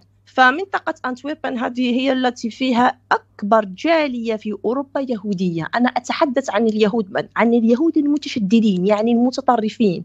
اليهود هادو آه والله العظيم آه يقولون هم اليهود الأرثوذكس. آه يعني أنا لم أرى في حياتي تشدد مثل هذا التشدد. آه يعني ناس وبصراحة أنا أهنئهم لأنهم رغم رغم الثقافة الغربية إلا زالوا متشبثين بدينهم. ليس عندهم تلفات ليس عندهم تليفونات. آه أطفالهم ليس لديهم ليس لديهم والله العظيم منعزلين مرة عن عن الثقافة عن الثقافة الغربية. يعني بصفة لا تتصور. نسائهم كلهم بالباروكات كلهم لباسهم طويل. الرجال كلهم لباسهم طويل لابسين ديك ديك الشعر الطويل اللي اللي ينزل على الأذن. تشوف طفل عمره ثلاث سنين أربع سنين لابس لابس لباس ديني يهودي آه، لا يذهبون إلى المدارس معنا يذهبون فقط إلى المدارس آه، اليهودية. مع العلم أن المدارس اليهودية لا تدرس فقط إلا الدين اليهودي. يعني هذو الناس منعزلين تماما على الثقافة الغربية. فيا إخوان هذو الأطفال عايشين في تشتت يعني ليس هنالك دمى ليس هنالك PlayStation ليس هنالك ألعاب آه، منعزلين على الثقافة الغربية. لماذا لا يأخذونهم؟ أليس هذا انتهاك للطفولة؟ آه لا لا لا لا هادو يهود. اليهود من استطاعتهم يستوطنوا العالم يستطيعوا يتصرفوا في الأموال. اليهود يبقوا هاد يهود الشعب المختار هذا. لا لا لا لا, لا يجب أصلا أن نتكلم عنهم. لا لا لا, لا. نعم الكلام عنهم مجرد الكلام. العظيم. الكلام مجرد أستاذ الكلام أستاذ يحدث مشاكل. والله أستاذي أقول لك شيء. أنا أتحدى العالم وأتحدى الكواكب والشمس والنجوم. يجيبوا لي طفل واحد يهودي في ملجأ من إسبانيا إلى السويد. يجيبوا لي واحد. إذا جابوا لي واحد أنا نسكت. نسكت ونروح ننام. خلاص. ما راح أتكلم. جيبوا لي أختي على فكرة كلامك كلامك عن الحي عن الحي اللي أنت بتتكلمي عنه ده نفس الكلام في فرنسا. في فرنسا آه، نفس الحكاية أيضا. هم لهم مدارسهم ولهم طريقتهم وغير مندمجين م. مع المجتمع الفرنسي ومع ذلك لا يتحدث عنهم أحد إنما يتحدثون عن المسلمين. لأن نحن مستهدفون. هذا الذي أريد أن أقوله لك. ثاني شيء يقولون أن الأسباب يأخذون أطفال الرعاية لأن ما زال في مرتزقة يقولوا لك لا وأنتم المسلمين شو فيكم؟ أطفالكم فيهم diamants فيهم ألماس يأخذون أطفالكم؟ OK ماشي. في مثلا أطفال من من آه، من آه، من أوروبا الشرقية هادو رومانيا وبولندا وبلغاريا. في آه، في ناس يقولوا لهم الغجر هادو الروم إحنا نسميهم les Roms نسميهم les gitans. يعني الغجر يعني يعيشون متنقلين كذا وكذا فتصور هذا هذول في الشوارع آه. أنا شفت واحد صور لي فيديو في الشوارع هناك كمان يعني يكونوا واضحين آه. يضلوا طول النهار يشحتون أنا والله ما حسدتهم آه يعملوا. اللي بدهم يعملوه يضلوا طول النهار يشحتون بأطفالهم بأولادهم. أولادهم ما يروحوا مدرسة وبالليل يروحوا للشوارع الكبيرة اللي فيها مثلا متاجر بتكون منغلقة يفرشون في الأرض وينامون مع أطفالهم. هذا الطفل المسكين والديه متشردين ما عندهم أموال يعيناهم.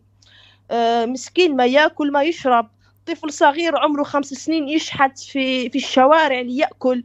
أها أطفال الشوارع والله العظيم مدميين آه، تشوف ديك الأطفال تتفكر أطفال المخيمات في سوريا. يا إخوان لماذا رعاية الأطفال؟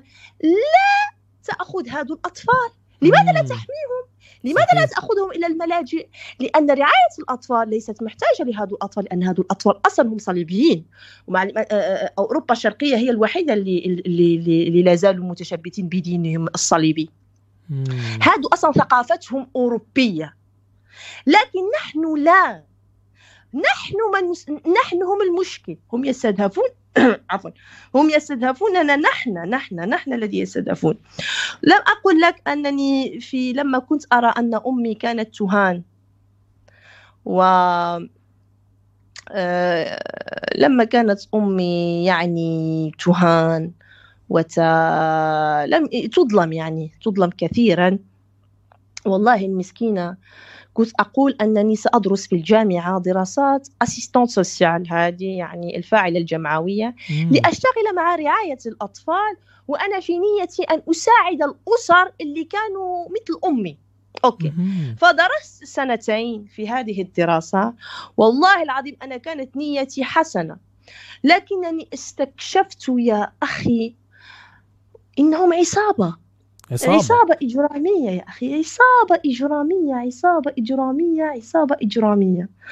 هذا الذي أنا أود أن أقوله للجميع هم عصابة إجرامية.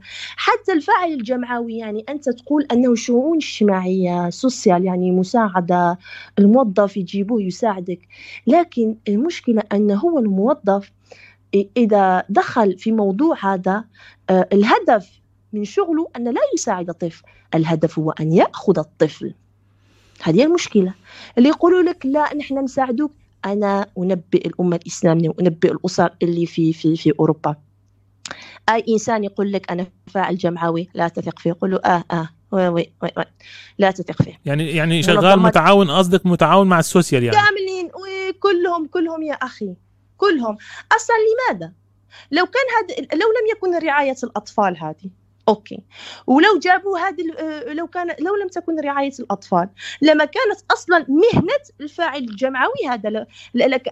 أصلا لن تكون هذه لهذه الوظيفة. فالمسكين هذا سيكون يشتغل في المطاعم يغسل الصحون مثلا لكن هو لازمه شغل. فلذلك يجب أن يكون موظف. لتكون موظف مثلا إذا أخذت إذا أخذت قضية مثلا إذا أخذت قضية طفل لعائلة لأسرة.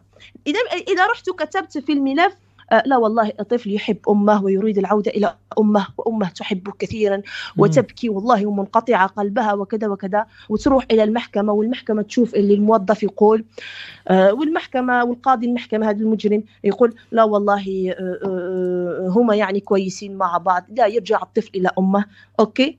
نشد الملف الملف انطوى. لكن يعني ليس هنالك شغل لهذا الموظف.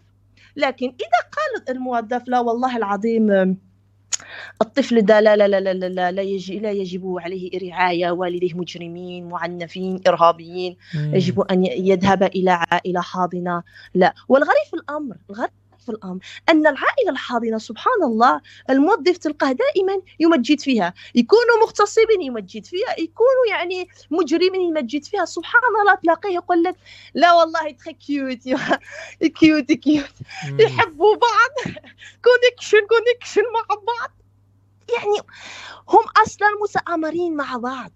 ولما الموظف هذا يقول بأن الطفل لازم يكون عند العائلة الحاضنة بيصير شغل لمدة سنوات. لازم مراقبة والمراقبة من يفعل هذا؟ مع جدي؟ لا الفاعل الجمعوي. يجي كل أسبوعين. له شغل له شغل يا أخي. هذه تجارة تجارة وخدمة يعني هي عصابة تجارة وتجارة. تجارة. أنا الآن فهمت منك أنها عصابة وتجارة في نفس الوقت. آه والله العظيم. آه أريد التوضيح فقط. تعرف آه أبي. أبي. أنا لدي أب.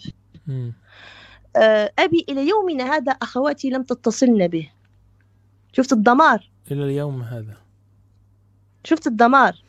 يعني يلومونه. شفت الدمار يا أخي. شفت الدمار. الله. يلا اشرح لهم هذه القضية أنه يبقى أب وقضى ربك ألا تعبدوا إلا إياه وبالوالدين إحسان. يلا اشرح لهم. روح اشرح لهم انتهى القضية. يلا. روح اشرح لهم. ونطلب الله تبارك وتعالى يعني آه، يحنن القلوب يحنن القلوب ويتم صلح يوما من الأيام إن شاء الله يا رب. يا رب. آه أريد أغف... أريد آه، أن أتكلم معك في في قضية آه، الأسباب اللي تجعل آه، الولد يؤخذ من الآباء نعم. لكي ننب... يعني أريد أن أتطرق إلى هذا الموضوع اللي هو مهم جدا. أنا حاليا فقط يعني قلت ما شفته في الملاجئ. والملجأ هذا ليس عبارة عن ديسني لاند كما يظنون البعض. الفتيات آه كمان لأن في فتيات بيروحوا طبعا فإحنا أنا عاوزك توجهي رسالة للفتيات اللي آه بيروحوا يبلغوا عن الأسرة ويذهبن إلى هذه الملاجئ وبيوت الرعاية طبعا. ماذا تقولين آه والله لهم؟ العظيم. آه لا لا لا. أولا أريد أن أقول آه، الفتيات اللي يذهبن إلى هناك يتم تحريضهم أصلا. الفتيات لا يذهبن لأنهم أرادوا. لأن أحد يقول لهم هنالك حريات وهنالك كذا وهنالك كذا وهنالك كذا. وهذه المشكلة أن الآباء يا أخي أغلبية الآباء هنا في في في أوروبا. يعني ككل الآباء العرب للأسف الشديد جاءوا إلى أوروبا فقط بحثا عن المال. هذا هي المشكلة الأصيلية أستاذي. الوالدين والآباء اللي جاءوا إلى أوروبا فقط بحثا عن المستقبل وعن الدنيا وعن المال. لا يهمهم ما يفعلون أبنائهم لا يهمهم ما يعني يقولون إلا من رحم ربي يعني إلا من رحم ربي. أكيد دائما في استثناءات أكيد دائما في استثناءات. لأن ترى أن معظم الآباء لا يعرفون القضية أن في المدارس يعني في مدرسة بلجيكية.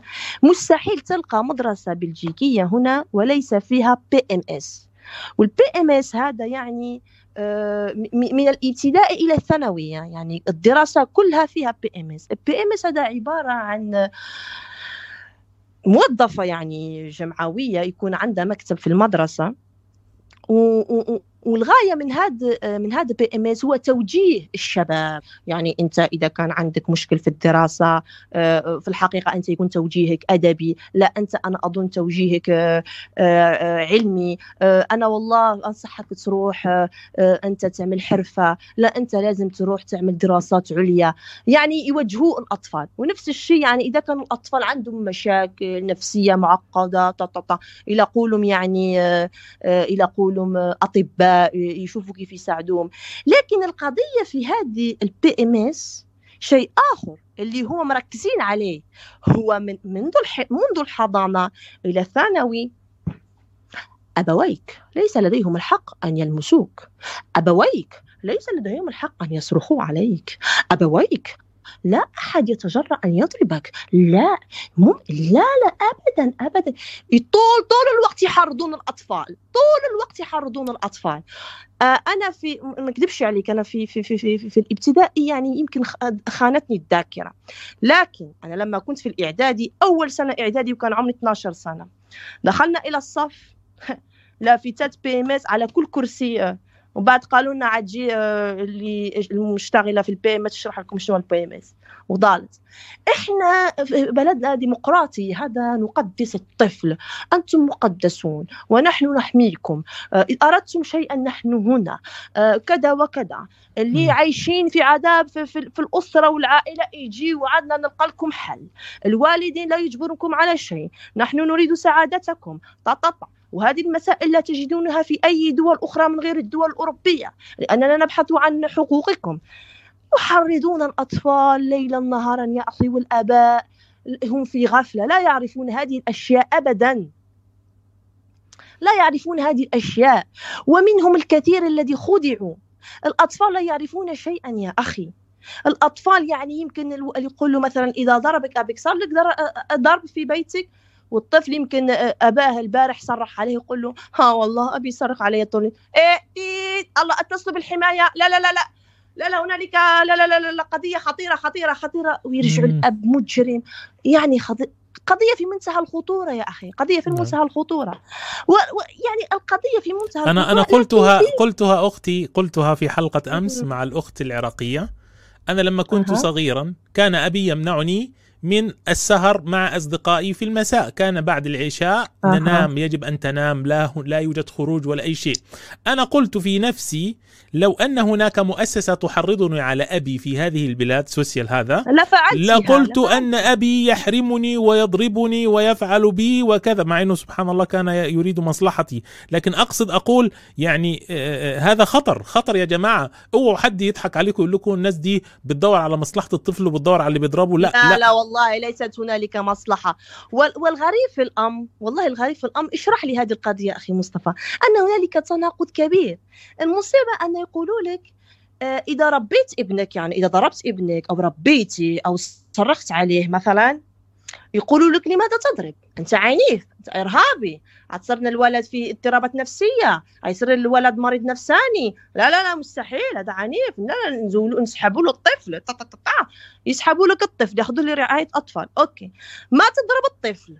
ما تربي الطفل. يصير الطفل هو يضربك. لما يصير الطفل هذا يضربك ويكون مراهق عاق.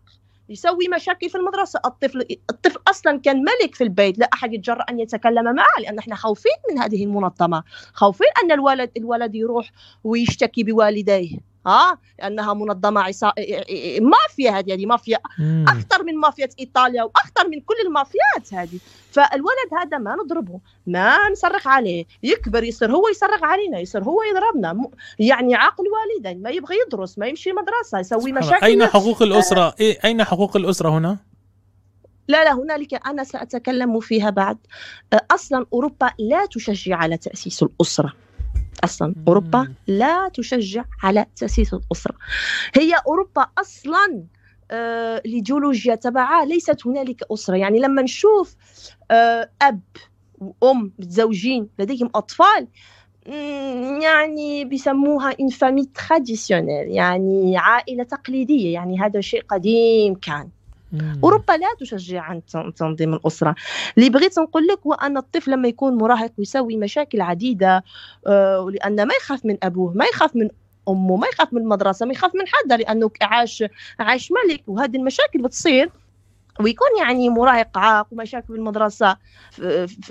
كذلك يبلغوا الرعاية ويجوا عندك يقول لك لا أنتم مش في استطاعتكم تربوا الولد. الولد يعني عامل مشاكل والكل يتشكى منه الحي يتشكى منه المدرسة تشكى منه. لا لا أنتم لستم في, في استطاعة تربية الأطفال. لا لا لا نأخذ هذا المراهق نأخذ. يعني كيف ما عملتيها وحلة كيف ما نقولوا إحنا المغاربة. آه، قضية خطيرة. ما تربي آه، تربي ياخذوه ما تربي ياخذوه يعني قضية في منتهى الخطورة. والله العظيم مثلا في أم في الشارع ابنها يعني تأخر آه، وفي سيارة راح تجي وهي مسكينة عندها مثلا أكياس كانت في السوبر ماركت وتقول له بلال تعال أركض يلا انت سمعت في في عجوز عبر الطاقة بتشوف لأن أصلا هما هنا كلهم مشايخ كل مشايخ كل شيء عجوز ما عندهم ولا شيء يضلوا طول النهار يتجسسوا في النوافذ. وتتصل في الشرطة بلاغ والله أنا شفت امرأة تعنف ابنها المسكين هذا عايش في ظلم في ظلم ناس اعتقوا الطفل اعتقوا الطفل. يجي يبقى تبليغ يعني يمكن كذب يمكن أكذوبة يمكن مكيدة. ويجيب ياخذ الطفل يقولوا لك علاش بلغوا عليك؟ ما بلغوا على على جارتك ما بلغوا على هذا ما بلغوا على هذا. والله قضية خطيرة وأنا أنبئ الناس. أنبئ الناس آه، أن يفيقوا وأن يحذروا وأن يتصاحبوا مع أبنائهم أطفالهم. لازم تكون في صداقة مع أطفالهم. لازم يكونوا حذرين حذرين جدا لأن في كل مكان جواسيس. الكل جواسيس الكل مش يعني يقدر يبلغ عنك في كل لحظة. فلذلك حذاري إخوان لا تثقون في الجيران. لا تثقون في في في المنظمات الجمعوية هذه. لا تعلمون أبنائكم أن يبكون آه، في الشارع. أنتم لا تبكون في الشارع. اللي يريد يبكي يروح كرمكم الله للمرحاض يبكي. لأنك إذا بكيت أو زعلت يقول هذا مسكين عايش عنف هذا مسكين خصوصا نحن العرب. لو شافوا عربي إحنا العرب عندهم في معتقداتهم والله العظيم أن نحن متخلفين. وعندنا عنف ومش عندنا حضارة وعايشين في أماكن وسخة وكذا وكذا فهمتي فلذلك يجدون أعذار كثيرة طيب أنا أريد أن أسأل أنت أنت تكلمتي عن أسباب أنهم ياخذوا الأطفال. يعني آه. في المدرسة يقومون بتحريضهم وهكذا. ما هي الغاية؟ إذا كان في عنف إذا كان في تطرف آه، إذا والتطرف كان طبعا بالنسبة لهم أن تعلمي أبنائك الدين بطريقة عادية تقليدية ليس يعني آه، يعني آه آه. هم يعتقدون المسلم الصالح هو أصلا متطرف في نظرهم أصلا يعني. آه آه آه. هو أصلا مشكلتهم مع المسلمين مشكلتهم طيب. مع المسلمين. وأنا حاجيت في آخر طيب. ما هي الغاية من كل هذا يعني كل هذا الشيء اللي بيحصل هذا آه. اللي أنت بتسمعيه وبتشوفيه في السويد وفي بلجيكا وفي فرنسا و و آه. ما هي الغاية والله برأيك؟ الغاية اولا الغاية من كل هذا يا إخوان الغاية أنه هي قضية بزنس هذه تجارة القضية لرعاية الأطفال وراءها تجارة كبيرة جدا أموال طائلة لن تتخيل وأنا أقول لك بلد في بلد لم لا أحد أظن أنه تكلم عن هذا البلد وهو البلد المستفيد جدا في أوروبا كلها من رعاية الأطفال. أنا وهو إسبانيا. مم. إسبانيا هذه هي البلد المستفيد جدا جدا. أصلا اقتصاد إسبانيا يدور كله إما عن الفلاحة أو على البناء أو على رعاية الأطفال. اقتصاد الدولة إسبانيا هذه اللي بتشوفوها أنتم كبيرة وهي مفتاح لأوروبا وكذا اقتصادها أصلا يدور حول رعاية الأطفال لماذا؟ أولا الاتحاد الأوروبي كله متفق أن يعطوا أموال طائلة لإسبانيا اللي أصلا في, في إسبانيا في أي مدينة تسمع عندهم centro centro يعني المركز. وهذا المركز هذا آه، عبارة عن ملجأ. أنا هو هذا الملجأ هذا ال centro هذا لماذا عملوه؟ ولماذا الاتحاد الأوروبي يعطي أموال طائلة؟ عفوا لإسبانيا. لأن إسبانيا يصلها العديد العديد من المهاجرين الغير الشرعيين ومنهم قاصرين جدا من إفريقيا يعني من إفريقيا السود ومن المغرب العربي تونس من الجزائر من المغرب. المشكلة أن هذا الأطفال القاصرين يعني لما يجيوا لأوروبا والاتحاد الأوروبي هذا اللي أنتم تظنوا أنه حابينكم يحبوكم يحبوا المهاجرين والله موحشين فيكم يستنوكم وكذا. خايفين أنه هذا الأطفال ينتشرون في أوروبا يعني هذا العرب وهذا الأفارقة ينتشرون في أوروبا كلها ويروحوا حتى بريطانيا وحتى السويد والنرويج وفنلندا فيعني عمل أعطوا أموال طائلة لإسبانيا وعملت مراكز مراكز مراكز في شتى المدن في شتى المدن. وهي التي تستقبل كل هذه الأطفال القاصرين عندها ها ويعطيها أموال. مثلا هنالك مراكز في في جنوب فرنسا لكن ليسوا مهيئين مثل إسبانيا. ليسوا مهيئين. مثلا في في إسبانيا تلقى الولد لما يدخل للملجأ يستطيع مثلا هو أن يتعلم حرفة مثلا يستطيع أن يكون خباز يستطيع أن يصبح يعني طباخ يستطيع أن يدرس كذا وكذا. وفي نفس الوقت قضية المهاجرين هذو الغير الشرعيين اللي في الملجأ وكذلك نزيدوا عليها أطفال. الأطفال اللي ناخذهم من من من والديهم. فلهذا السبب مثلا تطلع أنا ألاحظ أنا أنا شخصيا ألاحظ مثلا أنا في في فرا في في بلجيكا أنا أنا أنا ترعرعت في بلجيكا درست من الحضانة إلى الجامعة في بلجيكا لكن أتجول بين فرنسا وهولندا. أنا أعيش في هذه ثلاث البلدان. فأنا لاحظت مثلا أن الجالية المسلمة في هولندا رغم أنهم ولدوا في هولندا إلا ما زالوا متشبثين بالدين الإسلامي في بلجيكا كذلك في فرنسا يعني فرنسا حرب شرسة ضد الإسلام. إن والحمد لله الجالية المسلمة لا زالت متشبثه بالدين الإسلامي. مع ألوغ في في في إسبانيا مثلا أنا هنالك بعض الجيران اللي اعرفهم حينما أعود إلى المغرب أو بعض الناس من عائلتي أطفال يعني هاجروا في قوارب الموت لما كان عمرهم 12 سنة 13 14 سنة يعني ذهبوا إلى إسبانيا آه، آه، مع العلم أنهم درسوا بضع سنوات في المغرب يعني عندهم عقيدة ويعرفون إلا أن للأسف الشديد عاشوا الجوع وعاشوا المشاكل في المغرب والأزمات وكذا وكان عندهم حلم فقط يوصلوا لأوروبا. مثلا لما أراهم كيف أصبحوا يعني عاشوا في الملجأ وكان وحاليا عمرهم 20 سنة ويروحوا المغرب لا أشم فيهم ريحة الإسلام مع العلم. تفضل لا أشم فيهم ريحة الإسم. يعني تلقى أنا أنا أعرف واحد كان جار لأني يعني لما شفته انصدمت. شعره مسبوغ بالاشقار عنده صديقة يعني إسبانية آه، آه، حلقات في أذنه آه، يعني الملجأ هذا أثر عليه وهو فرحان أختي أختي أسمعك أسمعك تقرير كان حد بعته لي تسمعي منه أول بس جملة وتعلق عليها من أسبانيا؟ أكيد أكيد اسمعي أكيد. هذا.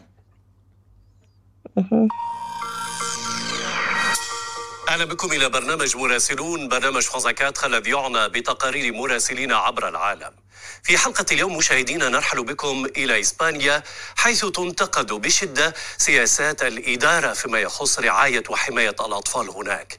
ما لا يقل عن خمسين ألف طفل هم تحت رعاية وحماية الدولة أي ضعف عددهم خمس مرات هنا في فرنسا. الفرق بين البلدين أنه هنا في فرنسا القاضي لوحده هو المخول بإصدار قرار لسحب الأطفال من عائلاتهم غير أن هذا القرار في أسبانيا يرتكز على ملفات يعدها عمال مصالح الخدمات الاجتماعية الأكثر صرامة وحذرا. سمعتي هذا هذا هذه فضيحة خرجت من حوالي ثلاثة أشهر. وهذه الحقيقة أخي هذا اللي قلت لك في, الأسب... في السابق. بس هو قال جملة خطيرة جدا أختي. قال خمسة آه. أضعاف في فرنسا يعني خمسين في خمسة يعني كام أختي؟ آسف عشان الخمسة في خمسة خمسة وعشرين. يعني ميتين وخمسين ألف طفل في في في في, في فرنسا؟ يا الله. يعني هو يقول وأنا آه، فرنسا هذه هذه أكبر عدو للإسلام. أنا حجي لك القضية أنا ماشي شوية شوية ونروح لك لفرنسا. اولا قلنا بأن قضية هاي business business هذه تجارة. إحنا متفقين عليها. مم. أنت تتفق ولا لا؟ أنا أتفق أنها business آه. وحقد على الإسلام في نفس الوقت. الاثنين آه. مع بعض اجتمعت المصالح مع بعضها. والله شكرا والله شكرا. ثاني شيء أوروبا يا أخي شاء من شاء وأبى من أبى أوروبا قارة شيخوخة. هنا أغلبية الأوروبيين كلهم مشايخ. ما في شباب أوروبيين. يعني يعني قلة قليلة نسبة للمشايخ اللي عندنا. ويا أخي يعيشون كثيرا. عمرهم مية سنة مية خمس سنة آه يعني لا زالوا يعيشون سبحان الله. واللي عمرهم سبعين سنة تلقاهم في صحة جيدة أحسن مني سبحان الله. لكن ليس لديهم أطفال. ليس لديهم أطفال يا أخي. أه والله قضية غريبة جدا. القارة شيخوخة حتى وإن رأيت أه الشباب أغلبية الشباب الأغلبية يعني الأكثرية كلهم الأجانب. فهمتي؟ آه كلهم الأجانب. والمشكلة أن أن قضية المشايخ هذه أنا لاحظت أن في أوروبا مثلا أنا كوني يعني بنت يعني امرأة أنا والله العظيم كان حلم لي أن أن أكون أم. يعني أن أشعر بشعور الأمومة هذا حلم كان عندي. لكن هنا الأوروبيات والله العظيم هذا والله آخر همهم يكونوا أم. ما ما يهمهم ابدا. يعني الأوروبيات ليسوا من النساء اللي يريدن أسرة أو أطفال أو يرون يعني أنفسهم يربون. ممكن. لا ابدا. النساء يعني مهتمين بالدراسات بدهم يلفوا العالم يدوروا يروحوا من هنا وين هو يسافرون طيب. تعدد العلاقات. يعني هذا الشيء لا يريدون. كلامك هذا يفسر لي أنا كتبت منشور من حوالي شهرين على الفيسبوك الدول الأوروبية أختي الكريمة وأمريكا وكندا يحتاجون إلى الأطفال. هذا متفق عليه. عندهم شيخوخة. والله وفي أنا نفس جايك لهذا القضية أنا جايك وفي نفس الوقت لا لا أكمل لك. في نفس الوقت هذه الدول تسمح بالإجهاض وسنويا 40 مليون طفل يجهضون حول العالم منهم نصيب كبير في أوروبا وأمريكا. فحاولت أن أفهم هذه المسألة. الدولة تريد الأطفال وعندهم هذا الإجهاض ويسمحون به. اذا المشكلة هنا أن الناس نفسهم لا يريدون الأطفال وليست الدولة. آه في تناقض في تناقض. أنا أقول لك النساء أصلا حتى لو أردن آه مثلا آه لو حتى لو أردنا أطفال بيكون طفل واحد مثلا. وفي يعني في كوبل معروف هنا صار له سنين مع بعض يحبوه بعض لولو الكل يقتدي بهم بحبهم وكذا انفصلوا. لما سألوا آه هذا المشهور قالوا له ليش انفصلتوا؟ رغم ان كنتوا تحبوا بعض وططا قال لا والله العظيم هي ما تريد أن تجيب أولاد. يعني النساء هنا ليس لديهم هذا هذه الإرادة. ثالث شيء المشكلة هي أن قضية موانع الحمل هنا في في أوروبا يعتبرونها النسوانيين. لماذا المرأة هي اللي لازم تعمل دائما موانع الحمل؟ ولاحظوا أن قضية موانع الحمل هذه كلها التي تستعمل المرأة هي سموم وخطيرة جدا على النساء. ولاحظوا في دراسات يقول لك المرأة اللي فيها سرطان الثدي لاحظوا أن كل النساء اللي كان فيهم سرطان الثدي هذه كلهم كانوا يعني يستعملون موانع الحمل. لاحظوا أن اللي يجيهم embolie pulmonaire thrombose يعني هذا مثل الحجر في الدم اللي يسبب الموت هذا سببهم كانوا يستعملوا موانع الحمل. يعني فصارت حملة ضد موانع الحمل وأن النساء يجب أن يتحررن من هذه القضية ولكن في نفس الوقت يجب أن يعيش يعني حياتهن الجنسية بكل بكل حرية هذا فماذا يفعلون؟ يلجؤون إلى التعقيم. أوه. فهنالك نساء آه نساء بكل برودة يا أخي غريبة القضية ف... فيعاقمون نفسهم ب... والله أنا لن لن أعرف أشرح لك بهذا بالعربية أنا تكويني فرنسي لن أشرح لكن أظن أن فهمت القضية نعم, نعم. آه يعني يذهبون إلى قضية تعقيم وهذا آه لن يسمح لهم في المستقبل أصلا أو في الحين يعني لو غيروا رأيهم من سنة لن يستطيعوا أن ينجبوا أطفال آه قضية أخرى والله العظيم أنا استكشفتها ولست أنا من أقولها الكل يقولها حاليا آه تصاعد كبير جدا في المثلية في أوروبا. ترى أن رجل كان في السابق متزوجا بامرأة وكذا وحاليا صار يعني صار عجلة. فوالا. آه يعني في قضية المثلية هذه يا أخي وكأنها أصبحت موضة موضة. صار شاب يعني مخنث. آه والله العظيم صارت موضة الكل آه هنا مثلين والمشكلة أن مثلا في أمريكا يعني يسمحون للرجال للرجال أن يلدوا بطريقة رجل واحد مع امرأة تبيع له مبي... آه، تبيع هذاك ديالها فهمتي؟ ويصيروا يذهبون إلى امرأة أخرى تكري آه، يعني بطنها. والله العظيم تلاعب. والقضية هذه تطالب أموال طائلة. إلى أن في أوروبا لم يطبق هذا القانون.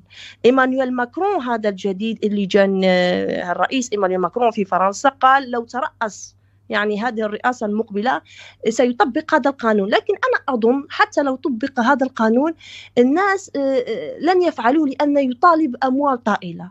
فلهذا هذا هذا الشذوذ وهذا هذا المثلين هادو يريدون أطفال. سبحان الله لما يكون متزوج مع امرأة لا يريدون أطفال. لكن لما يكون الرجل متزوج بامرأة سبحان الله يريدون الطفل. هذا هذا هذا فقط هذا هدفه فقط معاكسة الفطرة. أصلا لماذا يتزوجون أصلا؟ أصلا لماذا يعني أنا لا أفهم لماذا إيش العلاقة؟ آه والغريب في الأمر أخي مصطفى. لما يكون الرجل والمرأة لا يتزوجون يقول لك لا الزواج قضية مقدسيه وإحنا ما نأمن بالدين وكذا وكذا. لكن لما يكون الرجل مع الرجل يطالبون العالم يقول نحن عندنا الحق في الزواج. لازم المسجد ولازم يجيبوا يجيبوا واحد شاذ يلبسوه عمة ويقولوا هذا شيخ ويقول الدين الاسلامي يقبل هذا. بالمناسبة هؤلاء كلهم كفار ليسوا مسلمين أصلا يأتون بهم لكي يقولوا أن هذا حلال في الإسلام ليشجعوا الأبناء المسلمين. على ذلك. أستغفر الله أستغفر الله العلي هذا أنا رأيته رأيته و... رأيته شخصا يدعي أنه إمام في فرنسا وفي هولندا وفي أمريكا وفي كل دول أوروبا بيأتون بشخص. كل شخص هذا هذا شخص مجرد هو يعني آه، يعني الهدف منه أنه يقول إنه هذا الكلام في الإسلام والإسلام لا يجرم ذلك ويتكلم بلغة عربية أو بنفس لغة البلد. ويعطونه مسجد. هذا خطير. خطير خطير جدا. وهكذا سينشرون هذه المصائب في الدول العربية. هذه المصيبة. مم. والمسألة الأخيرة اللي هي المهمة جدا من الغاية الغاية اللي, اللي أريد أن أقولها لك هي أن مثلا آه، آه، يعني يعني أوروبا فشلت. فشلت في تربية الجيل آه، في في الجالية المسلمة مثلا. وأنا أظن يعني فشلت في تربيتنا يعني ك ك كأبناء المهاجرين المسلمين على دينهم هم. وأنا هو وأنا هو الدليل القاطع. أنا الحمد لله ترعرعت في هذه البيئة منذ الحضانة إلى إلى الجامعة. درست العلمانية من, من طول حياتي. أنا أصلا تكويني علماني. أه. حتى لو كنت أدرس في مدارس كاثوليكية إلا أن كان تكويني علماني. العلمانية يرددون بها ليلا نهارا. أصلا نحن نعيش في دولة علمانية. والإلحاد ويمجدون بذلك.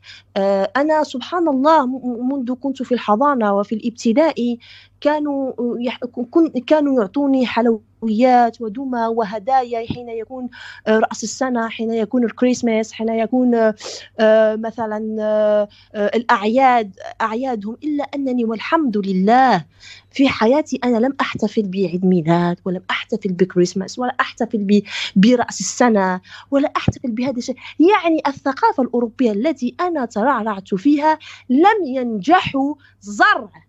زر حب الغرب في قلبي. بس ولم في كتير بس في كتير في كتير أختي آه، آه، نجحوا معهم عن طريق هذا لا لا هنالك هنالك من نجحوا لكن أنا أظن أنا أتكلم عن فرنسا أنا لا أتكلم عن إسبانيا لكن مثلا فرنسا وبلجيكا وهولندا والله العظيم أنا أعتبر أنهم في الحقيقة آه، في لأن لأن مثلي أنا العديد يا أخي مثلي العديد.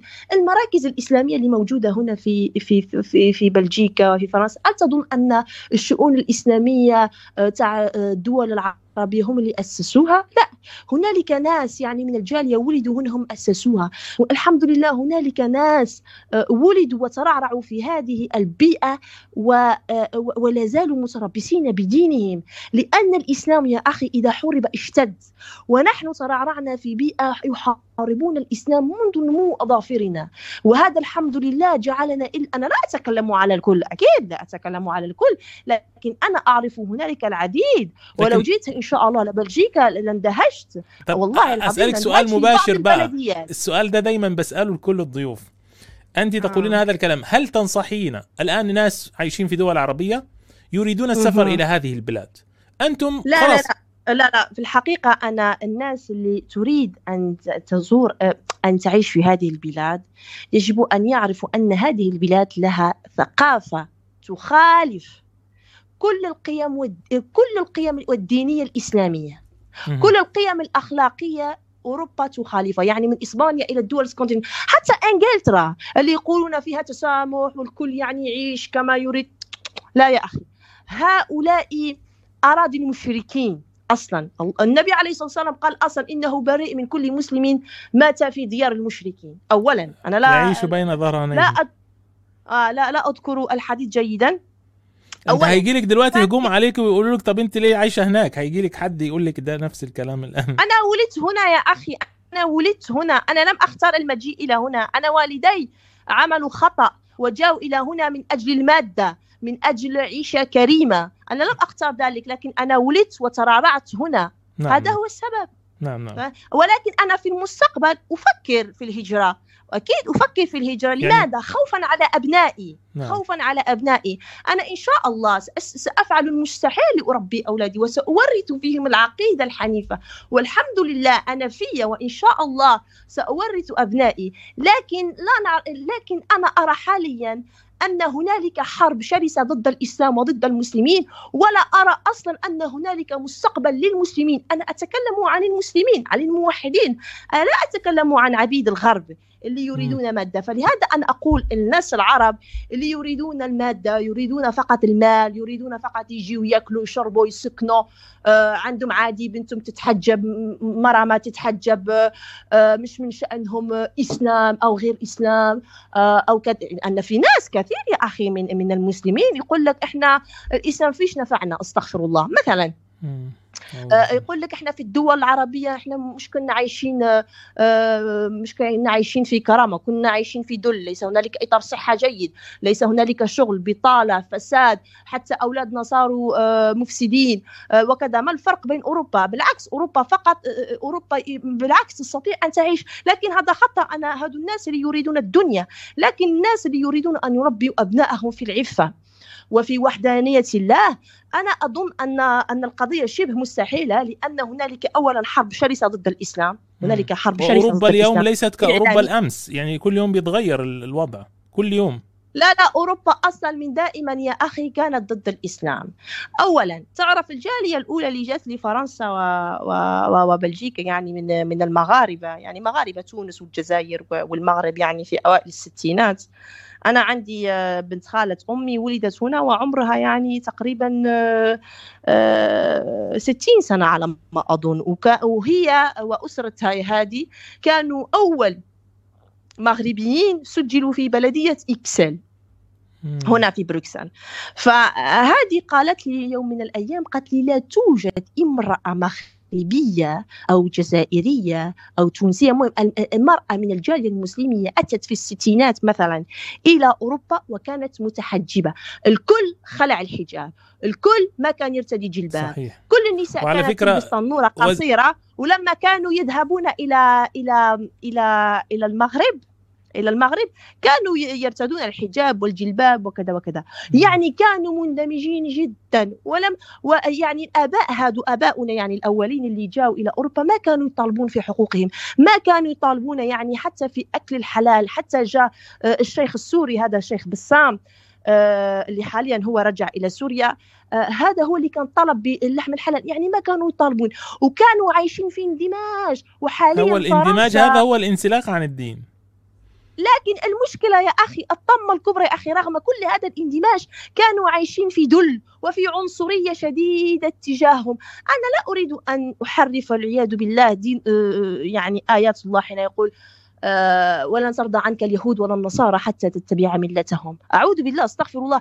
لكن في الحقيقة أنا ما رأيت حتى لو اتبعت دينهم حتى ولو اتبعت ملتهم والله لن يرضون عنك. ما دمت أنت اب... لست ابن جلدتهم وأنت ابن العرب. ستبقى طول حياتك عدوا لهم. ستبقى طول حياتك عدوا لهم. هذا ما لاحظته أنا.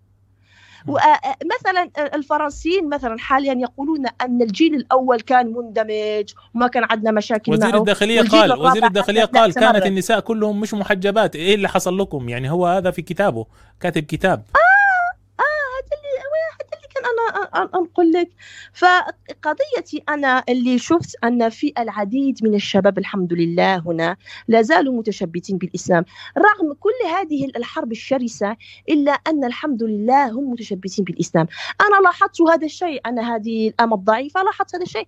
فما بالك بالسياسيين؟ فما بالك بالمختصين في علم الاجتماع اللي يضلوا طول الوقت يدرسون هذه القضايا؟ فهم كذلك لاحظوا أن رغم الدراسات ورغم المدرسة التي تفسد ورغم البيئة يعني التي نعيش فيها فاسدة جدا إلا أن هذو الناس آه، لم يعني لم يتركوا دينهم.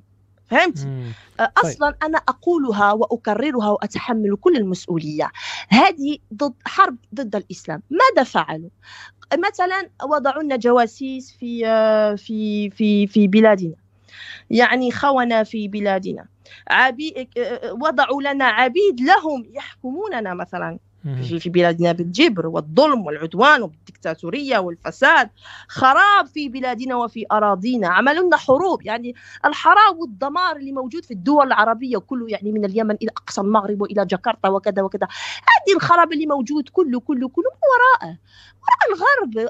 أمريكا الصهيونية العالمية. الاتحاد الأوروبي هذا برئاسة بريطانيا وألمانيا وميركل. هذه اللي حاليا الكل يعبدها ويقول الله يخلي لنا ميركل وفرنسا. هذو كلهم وراء كل هذا الخراب اللي موجود في الدول العربية يا أخي.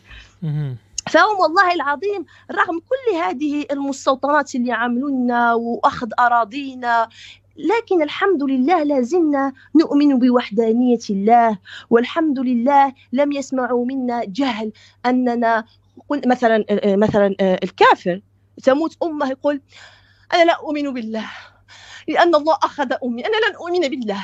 لا لا إن الله يعذب. أنا لا أؤمن بالله. إذ كان هنالك إله. أستغفر الله. هذا يقولونهم دائما دائما يقول إذا كان هنالك إله لماذا هنالك العديد من المآسي؟ فالمسلمين والحمد لله. لا لا لا لا لا أحد قال في كلمة مثل هذه والحمد لله. الكل يقول ملنا غيرك يا الله. الحمد لله. أستغفر الله. يعني عرفوا الحمد لله. والشكر لله أن الإسلام في قلوبنا بالفطرة. بالفطرة يا أخي الحمد لله ما زلنا متشبتين.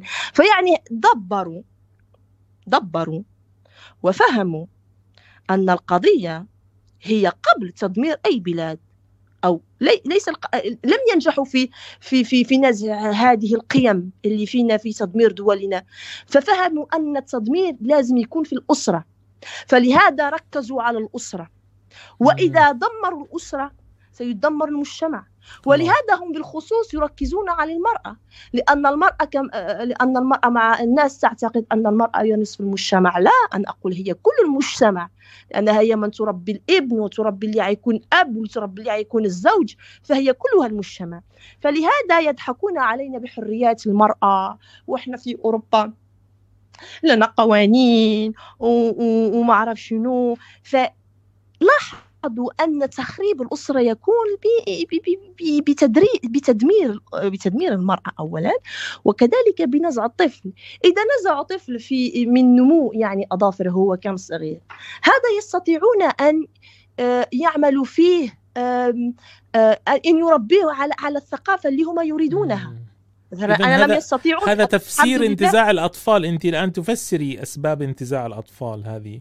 أكيد أخي أكيد. لكن أنت لا تنصحين احدا أنت لا تنصحين بس عشان أنت ما جاوبت بشكل مباشر. لا تنصحي أحد بالسفر حاليا.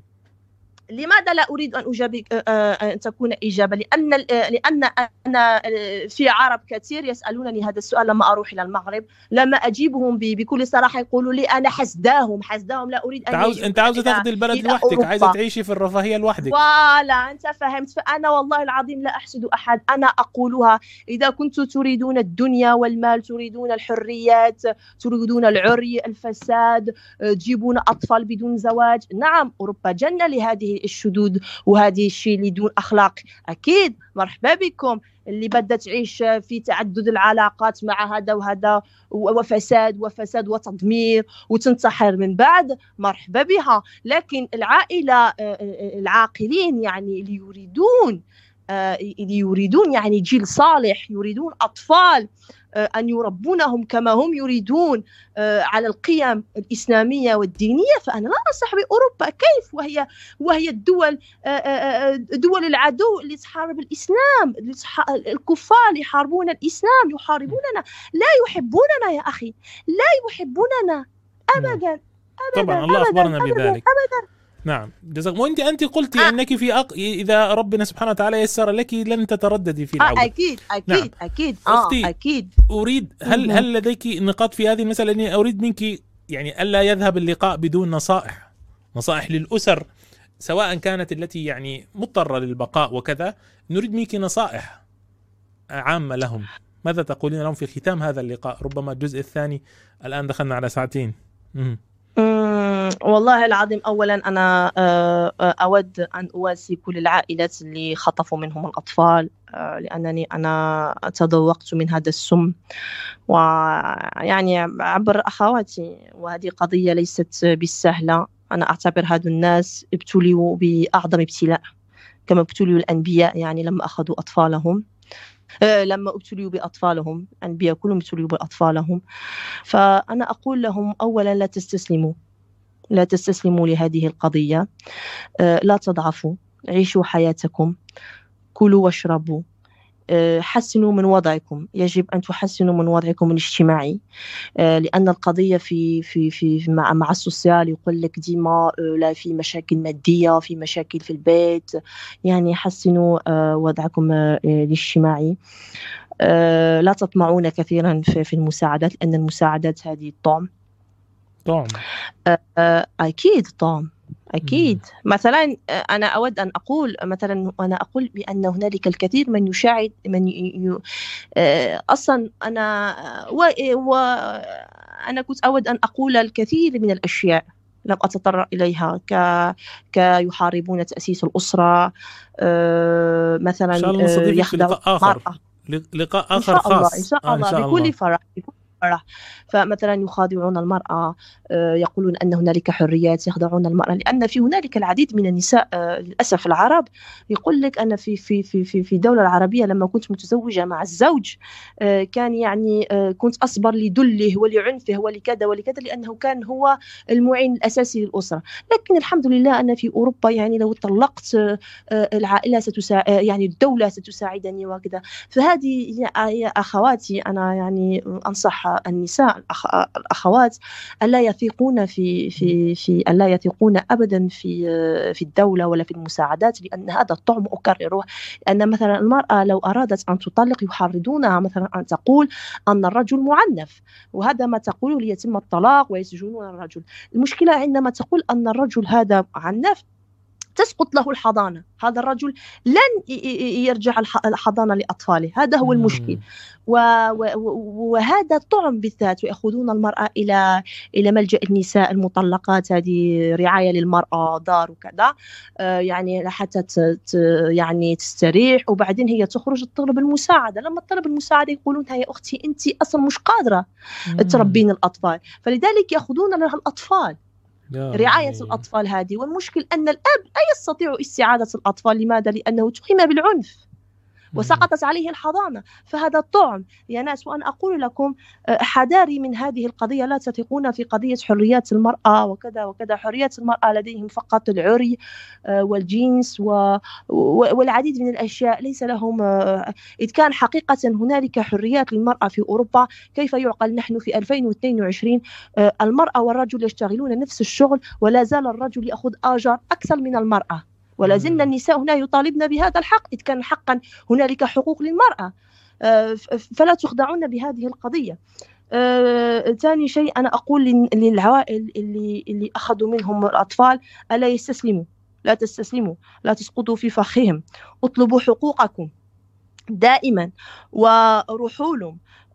يعني كافحوا كافحوا وجاهدوا من أجل استرجاع آه، فلده آه، كبدكم. يعني ما تقولوش تستسلمون وتروحون وتقولون الأطفال راحوا. لا يا ناس لا. ولا تضيعوا صحتكم ولا تعملوا زي لا لا لا انتحروا أو ارتكبوا جرائم. لا لا لا يروحوا في الاكتئاب. ويموتون بالموت البطيء. هذا لأن القهر والحزن يا إخوان يقتل نحن مسلمون. نؤمن نؤمن بقدر الله. آه، أنتم ابتليتم أكيد لكن يجب عليكم أن تكونوا أقوياء أشداء ولا تجعلهم أن يفوزون في هذه الحرب. حرضوا أنفسكم قفوا مع بعضكم. هذه أشياء لازم تفعلوها لأن طفل لن يرجع آه، بسهولة. الوسيلة هو لازم التظاهرات. يجب عليكم أن تتظاهروا وصلوا صوتكم حتى إلى المريخ. أنتم لا تحتاجون إلى صحافة. بإمكانكم أن أن تكونوا أنتم صحفيين عندكم smartphone عندكم فيديوهات. زلزلوا مواقع التواصل الاجتماعي. زلزلوا نحن لسنا في عصر الكتابة ولسنا في عصر الشعر ولسنا في عصر الرقص نحن في عصر الإنترنت. أكثروا من الهاشتاجات. شوهوا سمعة السويد بأنها دولة التسامح. اضغطوا على القضية بأنها قضية عنصرية تجاه المهاجرين تجاه اللاجئين. اضغطوا على هذه القضية. قولوا أخذوا منكم أطفالكم. لا تسكتون. عملوا فيديوهات. ارسلوا فيديوهات. في الانترنت كثروا كثروا لا تيأسوا. الأطفال اللي يجيوا آه، عند الوالدين في زيارة لازم يعملوا يوميا فيديوهات يقولوا أنا أخذوني من أمي تكلموا بالإنجليزية بالسويدية أرسلوا في... لا تخجلوا لا تخجلوا. السكوت هذا جريمة. لا يجب عليكم أن أن أن, أن تسكتوا على هذه القضية. أنا أتحدث إلى الآباء وإلى الأمهات. يجب عليكم أن تتقبلوا هذه القضية. أبنائكم إذا أخذوهم إلى الملجأ نعم سيصيرون مدمنين كحول مخدرات العذرية انسوها يا إخوان. هذه أصلا هم علاش أخذوهم؟ أخذوهم لكي يفسدوهم. فيجب عليكم أن لا تسقطوا أن لا تخجلوا. اخرجوا وكافحوا على أبنائكم. وعندما يكون الطفل سيكون عمره 18 سنة سيرجع إلى البيت عاقل والدين آه، متشرد. البنت سيكون شعرها آه، مثل شعر الولد موشومين لا يعرفون شيء في الدين فلا ترمونهم يا ناس. ولتفادي هذه القضاء ولتفادي هذه المشاكل وهذه المصائب يجب على الناس أن يكونوا حذرين مع أبنائكم. أبنائكم يا ناس استعملهم كأصدقاء.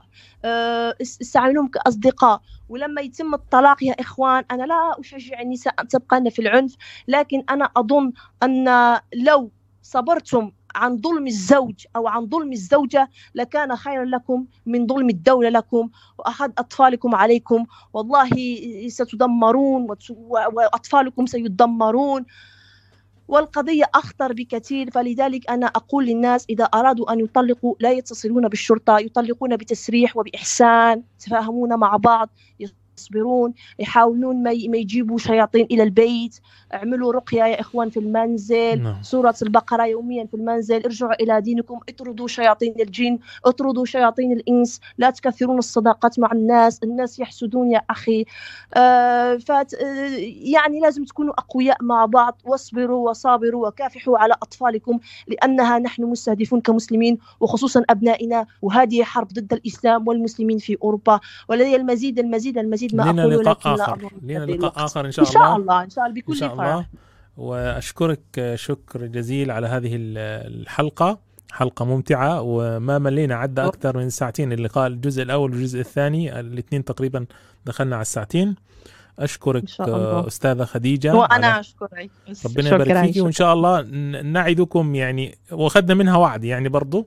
إن تيسرت الأمور يكون في لقاء آخر نتكلم فيه في الموضوعات والنقاط التي أرادت الأستاذة خديجة أن تتحدث عنها. آه، شكرا لك. بكل سرور. شكرا إن شاء لك الله. وربنا يبارك فيك ويحفظك. جزاك الله خير. شكرا لك. أمين. شكرا. شكرا. مع السلامة. وأيضا أشكر المشاهدين على المشاهدة. جزاكم الله خيرا ونعتذر أطلنا عليكم لكن والله كانت الحلقة يعني مشوقة وأشياء. طبعا تتفقوا أو تختلفوا أو كذا لكن حلقة كانت فيها معلومات كثيرة وغزيرة خصوصا من شاهد يعني على وقائع معينة. ونختم بكفارة المجلس. سبحانك اللهم وبحمدك أشهد أن لا إله إلا أنت أستغفرك وأتوب إليك والسلام عليكم ورحمة الله وبركاته. شكرا لكم على المشاهدة. ويرجى الاشتراك في القناة وتفعيل زر التنبيهات. شؤون إسلامية لنصرة قضايا الأمة.